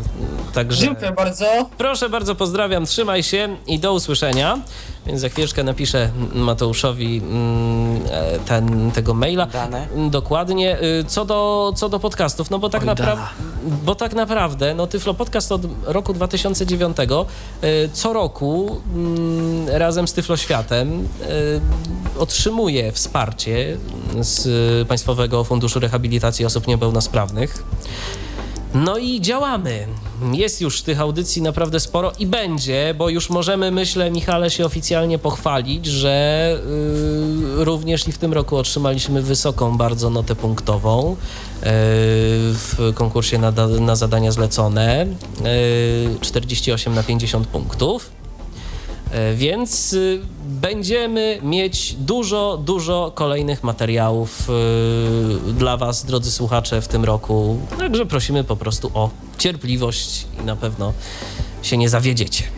Tak, no i tak te podcasty się dalej, dalej toczyły. 2009 rok, potem, potem się od 2000, bo w 2009 roku to był taki bardzo, no ponieważ y, całą jesień mieliśmy y, tylko te trzy miesiące na publikację wsz- wszystkich materiałów, to bardzo było dużo przekrajowych tematów, y, chociaż y, trochę takich starych jak Total Commander, jak Fine Reader, ale też w tym 2009 roku, jak na to, że jeszcze w Polsce też nie wszystko tak było dostępne, bo jednak ta dostępność y, sprzętu w Tyflofilmach, no tak jest, mam wrażenie, z roku na rok coraz lepsza, to w tym 2009 udało się nam kilka bardzo sensownych audycji nagrać. Mam tu na myśli books, y, audycję o pakiecie Dolphin Guide y, i audycję o BookSense, o, o odtwarzaczu BookSense, który y, i tutaj podziękowania bardzo duże dla firmy ECR, dla pana Konrada Łukaszewicza, który mi przysłał BookSense od razu właściwie w kilka dni po tym, kiedy on w Polsce miał swoją premierę i w listopadzie 2009 roku jeszcze prawie nikt go mm, właściwie nie miał. Gdzieś tam w Warszawie on był oglądany, a y, dzięki właśnie panu Łukaszewiczowi przez dwa tygodnie mogłem go testować i nagrać dla państwa y, długą, długą audycję. Dwie, dwie części nawet. To jeszcze druga część, może ktoś to pamięta, druga część tego podcastu była nagrywana w taki dziwny sposób, bo, znaczy dziwny sposób, w dziwnym otoczeniu. Ja wtedy miałem remont w pokoju i miałem zupełnie pusty pokój. Ja ma, mam dosyć wysokie mieszkanie i pokój mam i tak dosyć pusty, znaczy dosyć yy, mały, ale dosyć pusty, a wtedy to w ogóle był pusty pokój. I To takie było echo chyba było, jeżeli dobrze pamiętam, nie? tak, tak, tak. Ten, pokój, ten pogłos było słychać, y, bo to, to, było takie, to było takie specyficzne. Jeszcze jak go tak pamiętam, było zimno, nie było ogrzewania, go nagrywałem w takich warunkach y, Spartańskich. dziwnych, trochę takich, tak. Proszę, jak my się poświęcamy dla Państwa, widzicie. no i to był ten 2009. I potem od 2010 były te różne cykle. Długi cykl o Pacmate Janusza Rutkiewicza. Yy, potem był No Janusz Rutkiewicz też nagrał całkiem pokaźny cykl materiałów na temat JOSa Tak, tak, to nieco i Office'a. To, tak, e, Office Sylwka to był rok 11 czy 10? 11. E, 11. 11 na pewno. 11. Czy w 10 mieliśmy jakiś taki duży cykl, taki, żeby cały rok się e, ciągnął? Przez Chyba cały nie, rok tak to nie, bardzo. przez cały rok to Taki nie. główny. Bo 2011 to był ten Office, a 2012 rok to były Androidy. No, Dokładnie, dokładnie. To tak, były to Androidy. było ileś tych podcastów o Androidach. I też cykl Piotra Witka, nie tylko Piotra, ale głównie jednak Piotra. Cykl myślę, bardzo, tak, o iOSie, dzięki, cykl, nie waham się tego powiedzieć, dzięki któremu, no oczywiście trochę, trochę wiadomo, że to jest za, zawsze jakoś tam zbyt kategoryczne słowa, to są takie trochę uproszczenia, ale w pewnym sensie cykl, dzięki któremu ludzie w Polsce zaczęli używać iPhone'ów tak naprawdę. No i oczywiście, że się tak nieskromnie pochwalę, zmiana oprawy, prawda? Właśnie, z, y, zmiana oprawy w roku minionym, y, powiedzmy od razu autorem tej oprawy, jeżeli chodzi o kompozycję muzyczną, no bo wiadomo, że głosów nie podkładał, ale muzykę skomponował obecny tu Tomek Bilecki, czyli nasz realizator. Jest. Tak. Okazuje się, że nie tylko realizator, Gratu- ale także i kompozytor. Dziękuję. To może jakiś dźwigiel z brawami poprosimy, prawda? No i też takie przełomowe, myślę, czy przełomowe, coś też nowego, no to były audycje na żywo. Dokładnie, audycje na żywo, audycje w Radiu N. Od dwóch lat, od Zaczęły marca, się tak, y, od marca. Od marca, bo to jakoś chyba marca. nawet w pierwszy dzień wiosny było pierwsza audycja z Piotrem Wcześniej Witkiem. chyba A może i nawet, ale wydaje mi się, że. Do, do świąt były cztery audycje. Do świąt już były dwie, była audycja z Piotrem Witkiem o GPS, e, o telefonach dotykowych, audycja ze mną o odtwarzaczach bodajże, potem audycja z Piotrem e, i Romanem Lubińskim o nawigatorze e, GPS-ach ogólnie. I potem już ruszyło. Ja, I potem, już, I potem już ruszyło, dokładnie. Bo Ja, powiedzmy, na początku Mhm. była taka idea jeszcze, ja w ogóle mm, ja się tak trochę też bałem, jak to, jak to gdzieś tam będzie i na początku była taka idea, że to my głównie w trójkę, to znaczy yy, Piotr, Michał, Piotr i ja będziemy głównie te audycje jakoś tam własnym sumptem yy, przygotowywać, po czym okazało się, że nagle mamy tyle tematów, tyle jakoś gości, tyle yy, sens wartościowych osób, które, które o czymś yy, mogą yy, fajnie opowiedzieć, że właściwie przez te dwa lata no wiadomo, trzeba się, trzeba się przygotowywać do audycji, w sensie pomyśleć e, nad, nad, tematami, nad ludźmi, ale tak naprawdę nie mieliśmy chyba nigdy problemów z, y, ani z gośćmi, ani z tematami. No, kil, kilka razy to Michał bardziej opowiesz, y, Tomek nas wspomniał. Tomek nas ratował sensie, że... po prostu. W, pew, w, jednym, w, jednym, w jednym razie Tomek tak, uratował ja... nas po prostu w ostatniej chwili. Pamiętam, że tak, miała być tak, audycja z Maćkiem Muszytowskim. Dokładnie, miała tak, być audycja siedzę z Maćkiem. sobie w domu, w spokoju i w ciszy, jest telefon, to już po szóstej chyba nawet było Tak, spokojnie. i to jakoś tak chyba za 27 nawet. 20 po szóstej, w pół do siódmej jakoś, mhm. Tak, dzwoni, dzwoni do mnie Michał, Tomek jest problem, bo tam nie może Maciek, czy tam coś Internet padł w Toruniu. No? Internet padł. Tak, internet padł w Toruniu, no czy mogę? No, coś tam się wymodziło, no i i powiem tak, dobrze, to, dobrze było, że y, my obaj jakoś, y, zarówno ja jako pytający, no ty to wiadomo jako ekspert w danej audycji, ale że mi też był bliski temat dźwięku. Bo ja pamiętam, że ja nie miałem czasu wtedy ułożyć sobie pytań. Bo zwykle to jest tak, no tak. jeszcze od razu powiem, że przeważnie e, przynajmniej kilka punktów staram sobie wypisać e, przed audycją. Y, żeby wiedzieć mniej więcej o czym mówić. A wtedy to po prostu był totalny spontan. Tak samo, no, Tyflo Podcast od kuchni kilka tygodni temu, kiedy miała być audycja o See Mobile. Tak. No i już drugi raz została odwołana, więc wtedy też pamiętam, że trzeba było się zebrać. A co było jak pierwszy raz? A nie, to Pierwszy raz były problemy techniczne. Tak, były, były problemy techniczne. Tak. I też miała być audycja o Tyflo, yy, o tyflo podcaście od kuchni. Dokładnie, a po prostu została przełożona. A ja tak, powiem. Wyszło w rezultacie na to, że przełożyliśmy. Ja powiem tak. Ja, y, mm, ja, jeszcze powiem a propos audycji na żywo, bo część osób y, spotkałem się z kilkoma takimi zarzutami, że te audycje na żywo mm, no kiedyś były tylko takie prezentacje i było tak fajnie y, i że więcej konkretów wtedy było. Tak, tylko ja chciałem powiedzieć o jednym, że my nie zarzucamy audycji prezentacyjnych. My staramy się też w dalszym ciągu publikować takie materiały, ale także staramy się spotykać ze słuchaczami na żywo, żebyście wy mogli nam zadać jakieś pytanie i żebyśmy mogli w nieco także luźniejszej formie również poopowiadać o różnych rzeczach, niekoniecznie związanych tak bardzo z techniką, bo sobie na przykład kiedyś przecież rozmawialiśmy o psach przewodnikach, e, kiedyś gościliśmy przecież e, Jacka Kisa e, jako lektora. Oj, to też była wielka dyskusja potem. Tak, na, tak, tak, na, tak. I tak. w komentarzach i na tym. Dokładnie, była, była dyskusja. Ja też pamiętam, że audycja o Symbianie, jak nas ludzie od czci i wiary odsądzili, że znaczy, tak, że tak się... Tak, tak, dokładnie. Że my tak po prostu pogrzebaliśmy już tego Symbiana, że jak to tak? No przecież... Zapłacili nam. Tak, przecież. zapłacili nam w pewnym momencie I nawet ile nam takie... zapłacili? No, no Najpierw właśnie. tyle I kto? o Sybianie, naj, To znaczy ja chciałem powiedzieć, że, nam, że, że to była okrągła suma. Całe zero.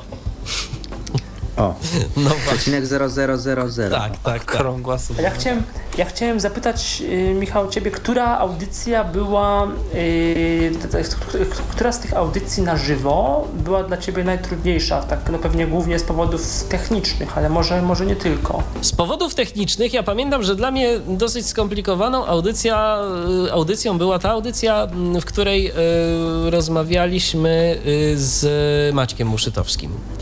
Y, Już mówię dlaczego. Dlatego, że po prostu na jednym komputerze wtedy musiałem odpalać dwa Skype'y.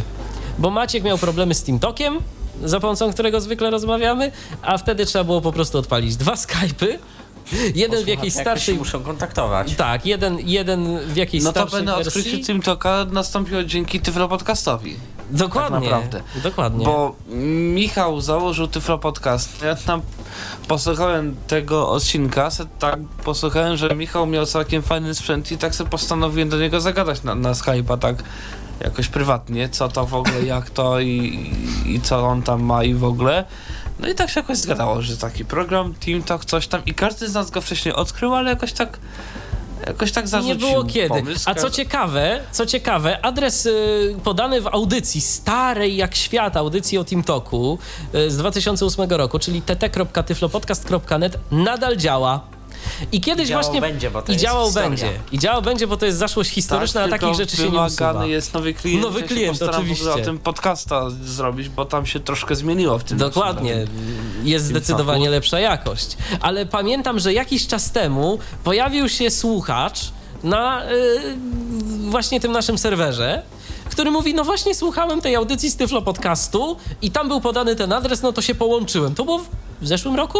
Jakoś tak chyba. No, coś takiego. To taki Niejaki Remigiusz. okres. Tak. Tak. Niemniej jednak takie coś nastąpiło. Tak, dokładnie, więc słuchają ludzie tych audycji. Słuchają, właśnie tu nawet mam taką, mm, taki, y, taki, taką wiadomość, Taką tylko muszę to znaleźć od niejakiego Roberto Lombino. Hmm. Roberto napisał do nas tak. Pozdrawiam serdecznie z Pragi. Choć słucham Tyflo Podcastu tylko od stycznia, muszę powiedzieć, że wasze audycje mi się bardzo podobają. Może też dlatego, że w Republice Czeskiej takiego projektu jeszcze nie ma. Gratuluję i życzę dużo ciekawych audycji i dobrych twórców. Y, Zatem, Roberto, bardzo Ci serdecznie dziękujemy za tę wypowiedź. Pozdrawiamy serdecznie. No i miejmy nadzieję, że także i Wy się doczekacie jakiegoś y, podcastu dla osób ogóle- niewidomych.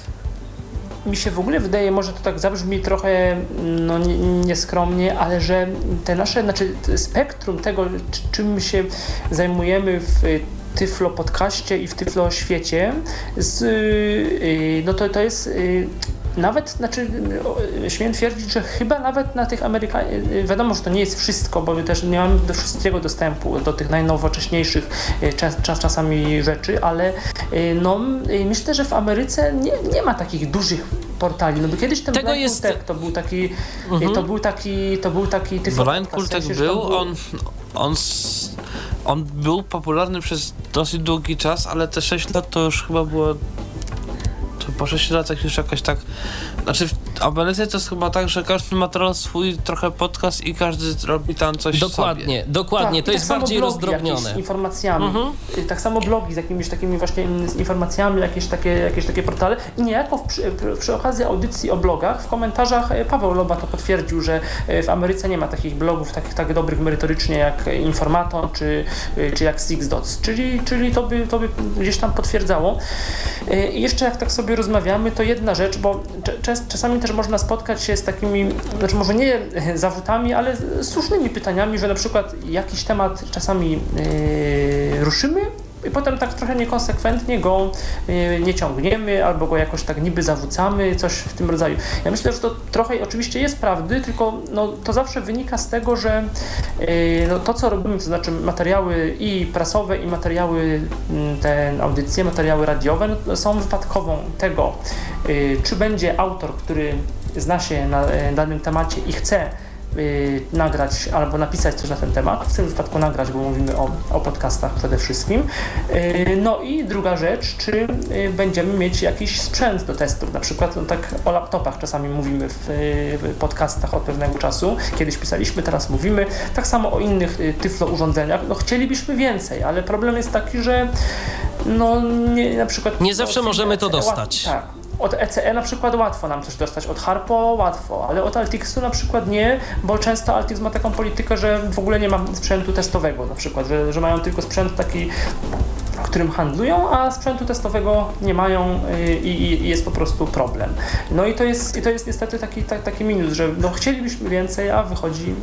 A wychodzi Myślę, różnie, gdzieś no ale staramy się jednak, żeby lepiej, no, staramy się jednak, żeby te co najmniej dwa odcinki tygodniowo się pojawiły. Więc y, jeden na żywo, jeden jakiś y, opisowy, czy to audycję kulinarną, czy to, inne, Jeszcze- czy to inne rzeczy. Myślę, że będzie tego więcej teraz. y, Je- Myślę, że będzie się pojawiać częściej. Jeszcze a propos takich gorących audycji, ja myślę, że też taki, bo ja się tak ten, jako słuchacz się na to cieszyłem i to tak średnio wyszło, oczywiście z niczyjej winy, ale też dosyć ostry w sensie przebiegu technicznego był Tyflo Podcast z doktorem Stanisławem Jakubowskim. To znaczy, wiesz co, końcówka, znaczy ostry, w sensie końcówka. ale, ale nie, tam, był, ten, tam się zrywał ten internet, później to proszę Ale to, końc, ale to końcówka tam- była tam- taka. No tak, i jeszcze raz tam coś się, jeszcze raz coś tam się stało. Tak, ale podcast merytorycznie był bardzo ciekawy. Więc, Tak, oczywiście. y, więc, więc to tak właśnie czasem. To jest też czasem taka prawda, że no niestety nie zawsze da się, bo my nie mamy jako takiego studia, y, gdzie zapraszamy O czym, nie gości. wszyscy, o, czym nie, o czym nie wszyscy O czym nie wiedzą. Wszyscy wiedzą, tak. My w tym momencie jesteśmy rozrzuceni po Polsce i to naprawdę porządnie. Dostałem kiedyś kilka pytań. Dostałem kiedyś kilka pytań, jakiego my sprzętu używamy w naszym studiu Tyflo Podcastu, że to tak ładnie słychać. No, nie zawsze tak ładnie słychać i w tym momencie mm, czas uchylić rąbka tajemnicy, dlaczego nie zawsze tak ładnie słychać. No bo jeżeli ktoś ma mm, wbudowany mikrofon w laptopie nie najlepszej jakości albo jakieś naprawdę słabiutkie słuchawki z mikrofonem, no to nie ma liczyć, nie ma co liczyć na cud. Po prostu to będzie słychać źle. Mm, I nic na to się nie poradzi. Miejmy nadzieję jednak, że no, uda się coś i, coś i ty i z tym robić. Będziemy starać się jeszcze dostarczać naszym współprowadzącym więcej sprzętu. Myślę, że może się coś y, uda w tym roku. Zobaczymy, pożyjemy i Może coś powiesz jeszcze, ja- jakie, tak, jakie plany na ten rok, to znaczy W tym roku- jakieś główne cykle? W tym jak, roku jak przede wszystkim, w tym roku przede wszystkim myślę, że warto będzie kontynuować temat Josa, który ostatnio zaczął Kamil Żak. Ja wiem, że Janusz Rutkiewicz nagrał sporo materiałów na temat Josa wcześniej, no ale to jednak kilka wersji do przodu już jest i warto ten screen reader jednak jeszcze jakoś w dalszym ciągu omówić, więc będzie dużo Josa. Y, myślę, że i tu Rafale, jako nasz y, dyżurny specjalista od systemów operacyjnych możemy na ciebie liczyć, że, siódem, że ósemkę nam omówisz za czas jakiś. Myślę, że nawet bardziej tą ósemkę tak się niż Android, no bo. Android, bo w Androidzie aż tak się nic no, na razie przynajmniej nowego nie, nie dzieje, a z tą ósemką no to coraz więcej komputerów ma. A ósemka ma jest Androidzie jeszcze też bym system. chciał parę rzeczy Mhm. powiedzieć, bo trochę też się tam pozmieniało. Ale myślę, że przede wszystkim, ale także- myślę, że przede wszystkim także jeszcze właśnie ósemka w tym roku. I Skype, i Skype w końcu. No, trzeba by go omówić jakoś dogłębnie. Tylko Ze teraz, Skype'em jest problem. Powstał Skype Metro. no właśnie, jest dziwny. No ale, ale już nie można olać. Skype Metro na rzecz Skype'a normalnego, czy nie? Czy w ósemce nie można sobie Nie, normalnego można, można używać dwóch jak wszystkiego w Windowsie 8. No bo sumie nie ma obowiązku, znaczy, bo to, to, można to metro, no nie wiem czy to jest dobre Nie, no obowiązku nie ma, ale Obowiązku nie ma, ale to wszystko metru, idzie w, że tak powiem. w tę stronę, więc... w tą stronę, w stronę tych Mhm. ekranów dotykowych i tutaj obawiam się, że za kilka wersji może tej wersji normalnej już Tylko metro. nie być. Mhm. Więc zobaczymy, pożyjemy, zobaczymy. W każdym razie, no przede wszystkim ci, którzy korzystają z JOSa, myślę, że y, mogą się spodziewać ciekawych rzeczy. Oczywiście nie tylko, bo także będziemy zajmować się systemami operacyjnymi chociażby. Y, zobaczymy, co jeszcze. Sporo ciekawych audycji na żywo myślę Tak, będzie, bo to będzie. takie są tematy naprawdę, naprawdę yy, i Tyflo, i nie tylko Tyflo. I nie też, tylko, też na pewno, na pewno już za czas y, jakiś pojawi się, być może nawet i w przyszłym tygodniu, ale tego jeszcze nie mogę obiecać, bo, bo na razie mam, że tak powiem, 50% potwierdzenie audycja na temat giełdy. Myślę, że ten temat warto, warto kontynuować. Zobaczymy, czy w przyszłym tygodniu, czy jeszcze kiedyś. Troszeczkę także w tym roku, nie wiem, czy zauważyliście, drodzy Państwo, że historię przypominamy i też Tak, będziemy to ja kontynuować taki ten rys historyczny. niby, że coś taki, taka historia No, trochę z- informatyki. Zgodny kierunek, Michale, z Twoim wykształceniem także. No tak, tak. I tutaj plan, planujemy kilka takich audycji. Był rzeczywiście doktor Stanisław Jakubowski. Yy, marzy mi się audycja, chociaż na razie mam problem z, z autorami jeszcze, z, ale myślę, że jakoś, jakoś, jakoś uda się skontaktować. Audycja mi się marzy o biuletynie informacyjnym dawnym, takim piśmie wydawanym jeszcze przed tym, kiedy się nim zajmował w PZN Stanisław Kotowski. To było takie pismo wydawane przez e, taką techniczną komórkę Ośrodek Informacji i Promocji Postępu Naukowo-Technicznego PZN i te, e, w latach 96-97 redaktorem naczelnym tego biuletynu był Paweł Wdówik i pisał w nim Wojciech Maj, Sławomir Strugarek, okaz- Sylwek Piekarski, okazjona- Zbigniew Drzazga, okazjonalnie e, Jan Omieciński, Robert Hedzyk napisał dwa artykuły o targach telekomunikacyjnych w Bydgoszczy i o jakimś telefonie Panasonic z automatyczną sekretarką i z jakąś sygnalizacją dźwiękową i czymś tam jeszcze. Y, tak, I o tym, że usługi stacjonarne A telefoniczne ja niestety, miały- niestety, przepraszam bardzo, ale będę się muszę pożegnać przynajmniej na, na razie, gdyż y, muszę niestety na chwilę wyjść. Dobrze, Tomku, my też się zresztą będziemy za moment żegnać, więc tak, więc, więc bardzo Ci dziękujemy i do Także usłyszenia. Są takie, pla- No, także to są takie razie. plany I takie do plany, usłyszenia. plany historyczne. Na- O DOSie na pewno jakaś audycja, będę, będę coś chciał o DOSie z kimś poopowiadać, bo, bo DOS to był fajny system operacyjny, z- zupełnie inny model pracy niż, niż teraz.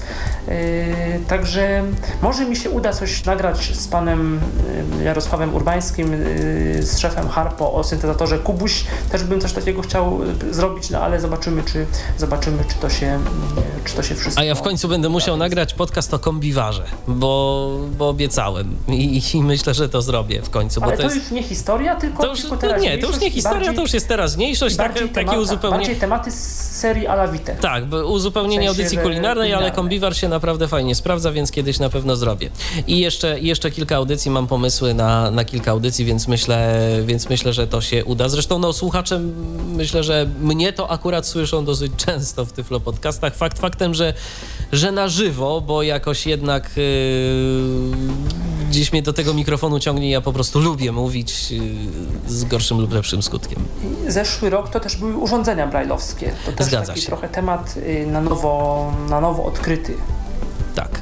I myślę, że w tym roku na pewno czeka nas podcast o nowym Focusie. Również będzie. Bo o tym warto także powiedzieć.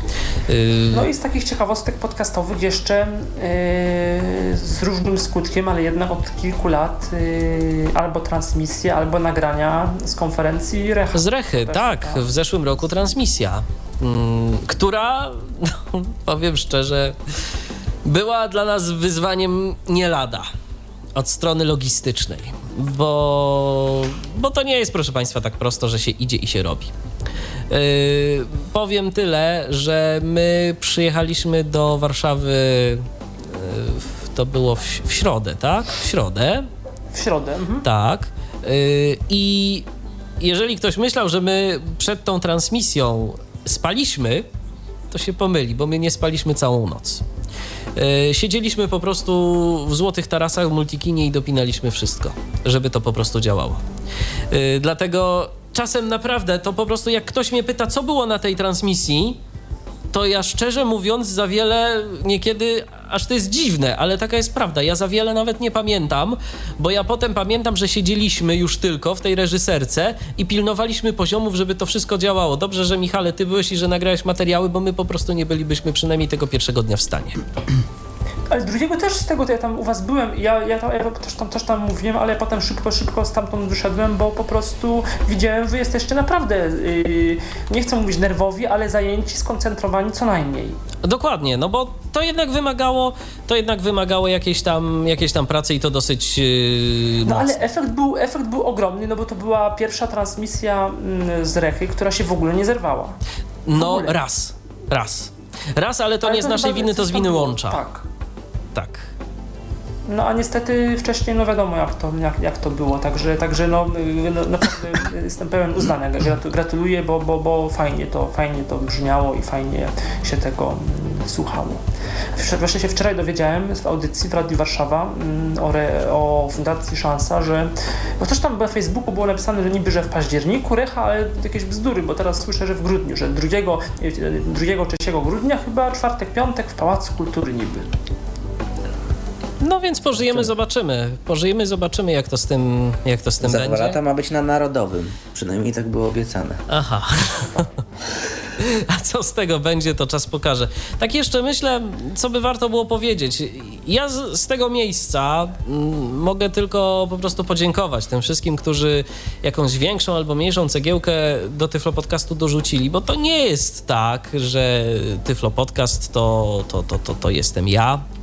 Ja po prostu postanowiłem, że coś takiego można by zrobić.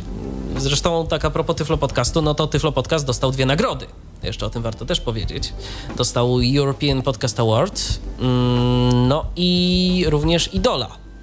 jeżeli chodzi o. To akurat, to akurat ja dostałem, ale za Tyflo Podcast, więc, więc tak. Ja przyjmuję, że to Tyflo Podcast dostał. Tyflo Podcast został uhonorowany idolem Fundacji Szansa. I to od razu szybko, bo to jeszcze Tak. w listopadzie 2008 roku. Tak, to było, to było bardzo Znaczy w szybko. grudniu, W grudniu, no, w grudniu. Ale, ale jesienią, bo w grudniu. To było bardzo szybko, ale w każdym razie ja chciałem podziękować serdecznie tym wszystkim, którzy nagrali chociaż jeden podcast. Jeżeli nagrali więcej, to też im bardzo, to, to tym bardziej im dziękuję, bo gdyby nie wy, gdyby nie wasze zaangażowanie, gdyby nie to, że wam się po prostu chciało, chce i chcieć będzie, no to tego podcastu by nie było. Mm, Także dziękuję tym wszystkim, którzy jakoś y, w jakikolwiek sposób y, nas wspomagali, tak czy inaczej, za wszystkie komentarze. Bardzo serdecznie dziękuję. E, Jest ich sporo na stronie. Y, Jest tego naprawdę, jest tego naprawdę dużo. Fajnie, że nam się wpisujecie, że komentujecie to, co się dzieje. Za te negatywne również. Oczywiście, że za te negatywne również, bo grunt to jest konstruktywna krytyka. Mm, To nie jest tak, że my się oczywiście bardzo cieszymy, że ktoś nam pisze, ale fajna audycja, trzymajcie tak dalej, ale jeżeli ktoś nam napisze, słuchajcie, brakło wam tego, tego i tego i fajnie by było o tym powiedzieć, to my też się z tego cieszymy i będziemy mieli to na uwadze, robiąc y, kolejną audycję na dany temat. Bo często jest tak, że jedna audycja tematu nie wyczerpuje i myślę, że jeszcze niejednokrotnie do różnych tematów będziemy wracać. I to nie znaczy, że my nie mamy o czym mówić, tylko to znaczy po prostu, że dany temat nie został wyczerpany i że warto jeszcze o nim co nieco wspomnieć. I taka cisza nastała. Nie wiem, ktoś z Was chce coś jeszcze do, do, tego, do, tego, do tej dzisiejszej audycji świątecznej dopowiedzieć? To my, to my dziękujemy panu ojcu dyrektorowi, prawda? Ojcu dyrektorowi, takiego- ojcu redaktorowi, to ład, ładniej, poprawnie Redaktorowi, tak, bo ja tak chciałem Redaktorowi. powiedzieć. Tylko, że- Ojciec redaktor. No, oj, ojcu, ojcu, nie tylko, taką- ojcu nie tylko w przenośni, ale także i dosłownie już niedługo. Tak, tak, tak, właśnie. To- to e, tak że przy okazji- wymyślił taką tak. inicjatywę, prawda, że tutaj mogliśmy się wykazać. No i fajnie, żeby nam się układało jakoś, nie dalej. Zgadza się, bo to myślę, że nam się, myślę, że nam się będzie układać, bo to jest y, Tyflo Podcast, to jest takie medium, które które po prostu jest potrzebne, tak samo jak Tyfloświat, tak samo jak portal Six Dots, tak samo jak Makowisko, jak każdy portal, który, każdy serwis, blog, który traktuje o tym, y, co się nie przebija tak naprawdę do mainstreamowych mediów. Jeżeli my nie będziemy prezentować takich informacji, no to na Onecie czy w portalu gazeta.pl, czy gdzie indziej to się tego grupa zainteresowana niewidomych, słabowidzących nie dowie. Nie, Nie no, dowie się, ale o rzeczach, o których chyba my byśmy chcieli, żeby niekoniecznie się no dowiedzieli. właśnie, no właśnie, bo to jest... Zagadkowo troszkę. Tak, bo to już w tym momencie to, to raczej taki wtedy przeważnie taka papka marketingowa trafia, bo to ma trafić do masowego odbiorcy. I ja się bardzo cieszę w ogóle, że ludzie widzący także słuchają tychże podcastów. Ostatnio rozmawiałem, słuchajcie, z takim panem urzędnikiem z jakiegoś tam urzędu miasta, który powiedział, wie pan co, jak ja się cieszę, że y, znalazłem tą stronę Tyflo Podcastu, będę sobie mógł tego posłuchać, bo, bo tu takie ciekawe rzeczy są. Albo y, po prostu w ogóle mm, pod, w podcastofonie, że co jakiś czas dostajemy jakieś wyróżnienie. Że to się ludziom naprawdę podoba, nie tylko niewidomym, dla których to jest przeznaczone, ale także osobom widzącym, które chcą poznać to wszystko, jak osoby niewidome funkcjonują. Te audycje mogą być dla tych osób skomplikowane, ale także po to robimy niektóre tyflo podcasty na żywo, żeby trochę nieco bardziej ten nasz świat osób niewidomych yy, przedstawić yy, osobom widzącym, żeby opowiedzieć z naszej perspektywy, jak różne rzeczy wyglądają. I tak to po prostu działa.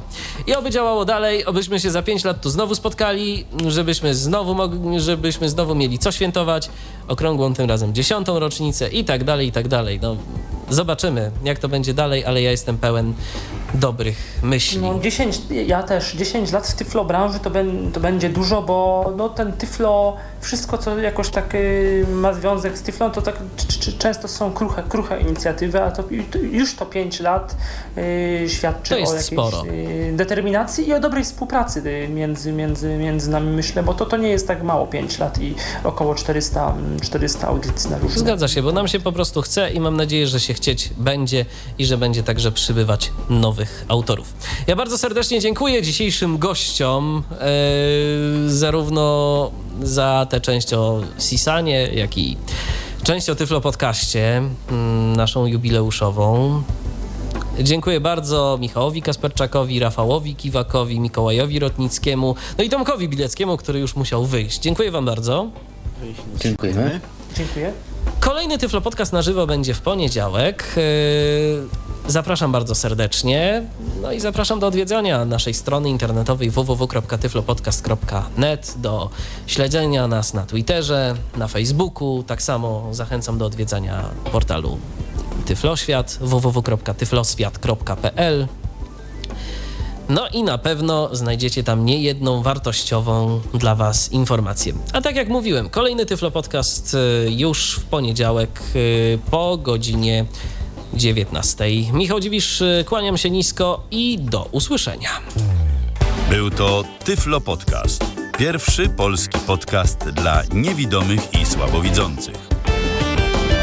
Program współfinansowany ze środków Państwowego Funduszu Rehabilitacji Osób Niepełnosprawnych.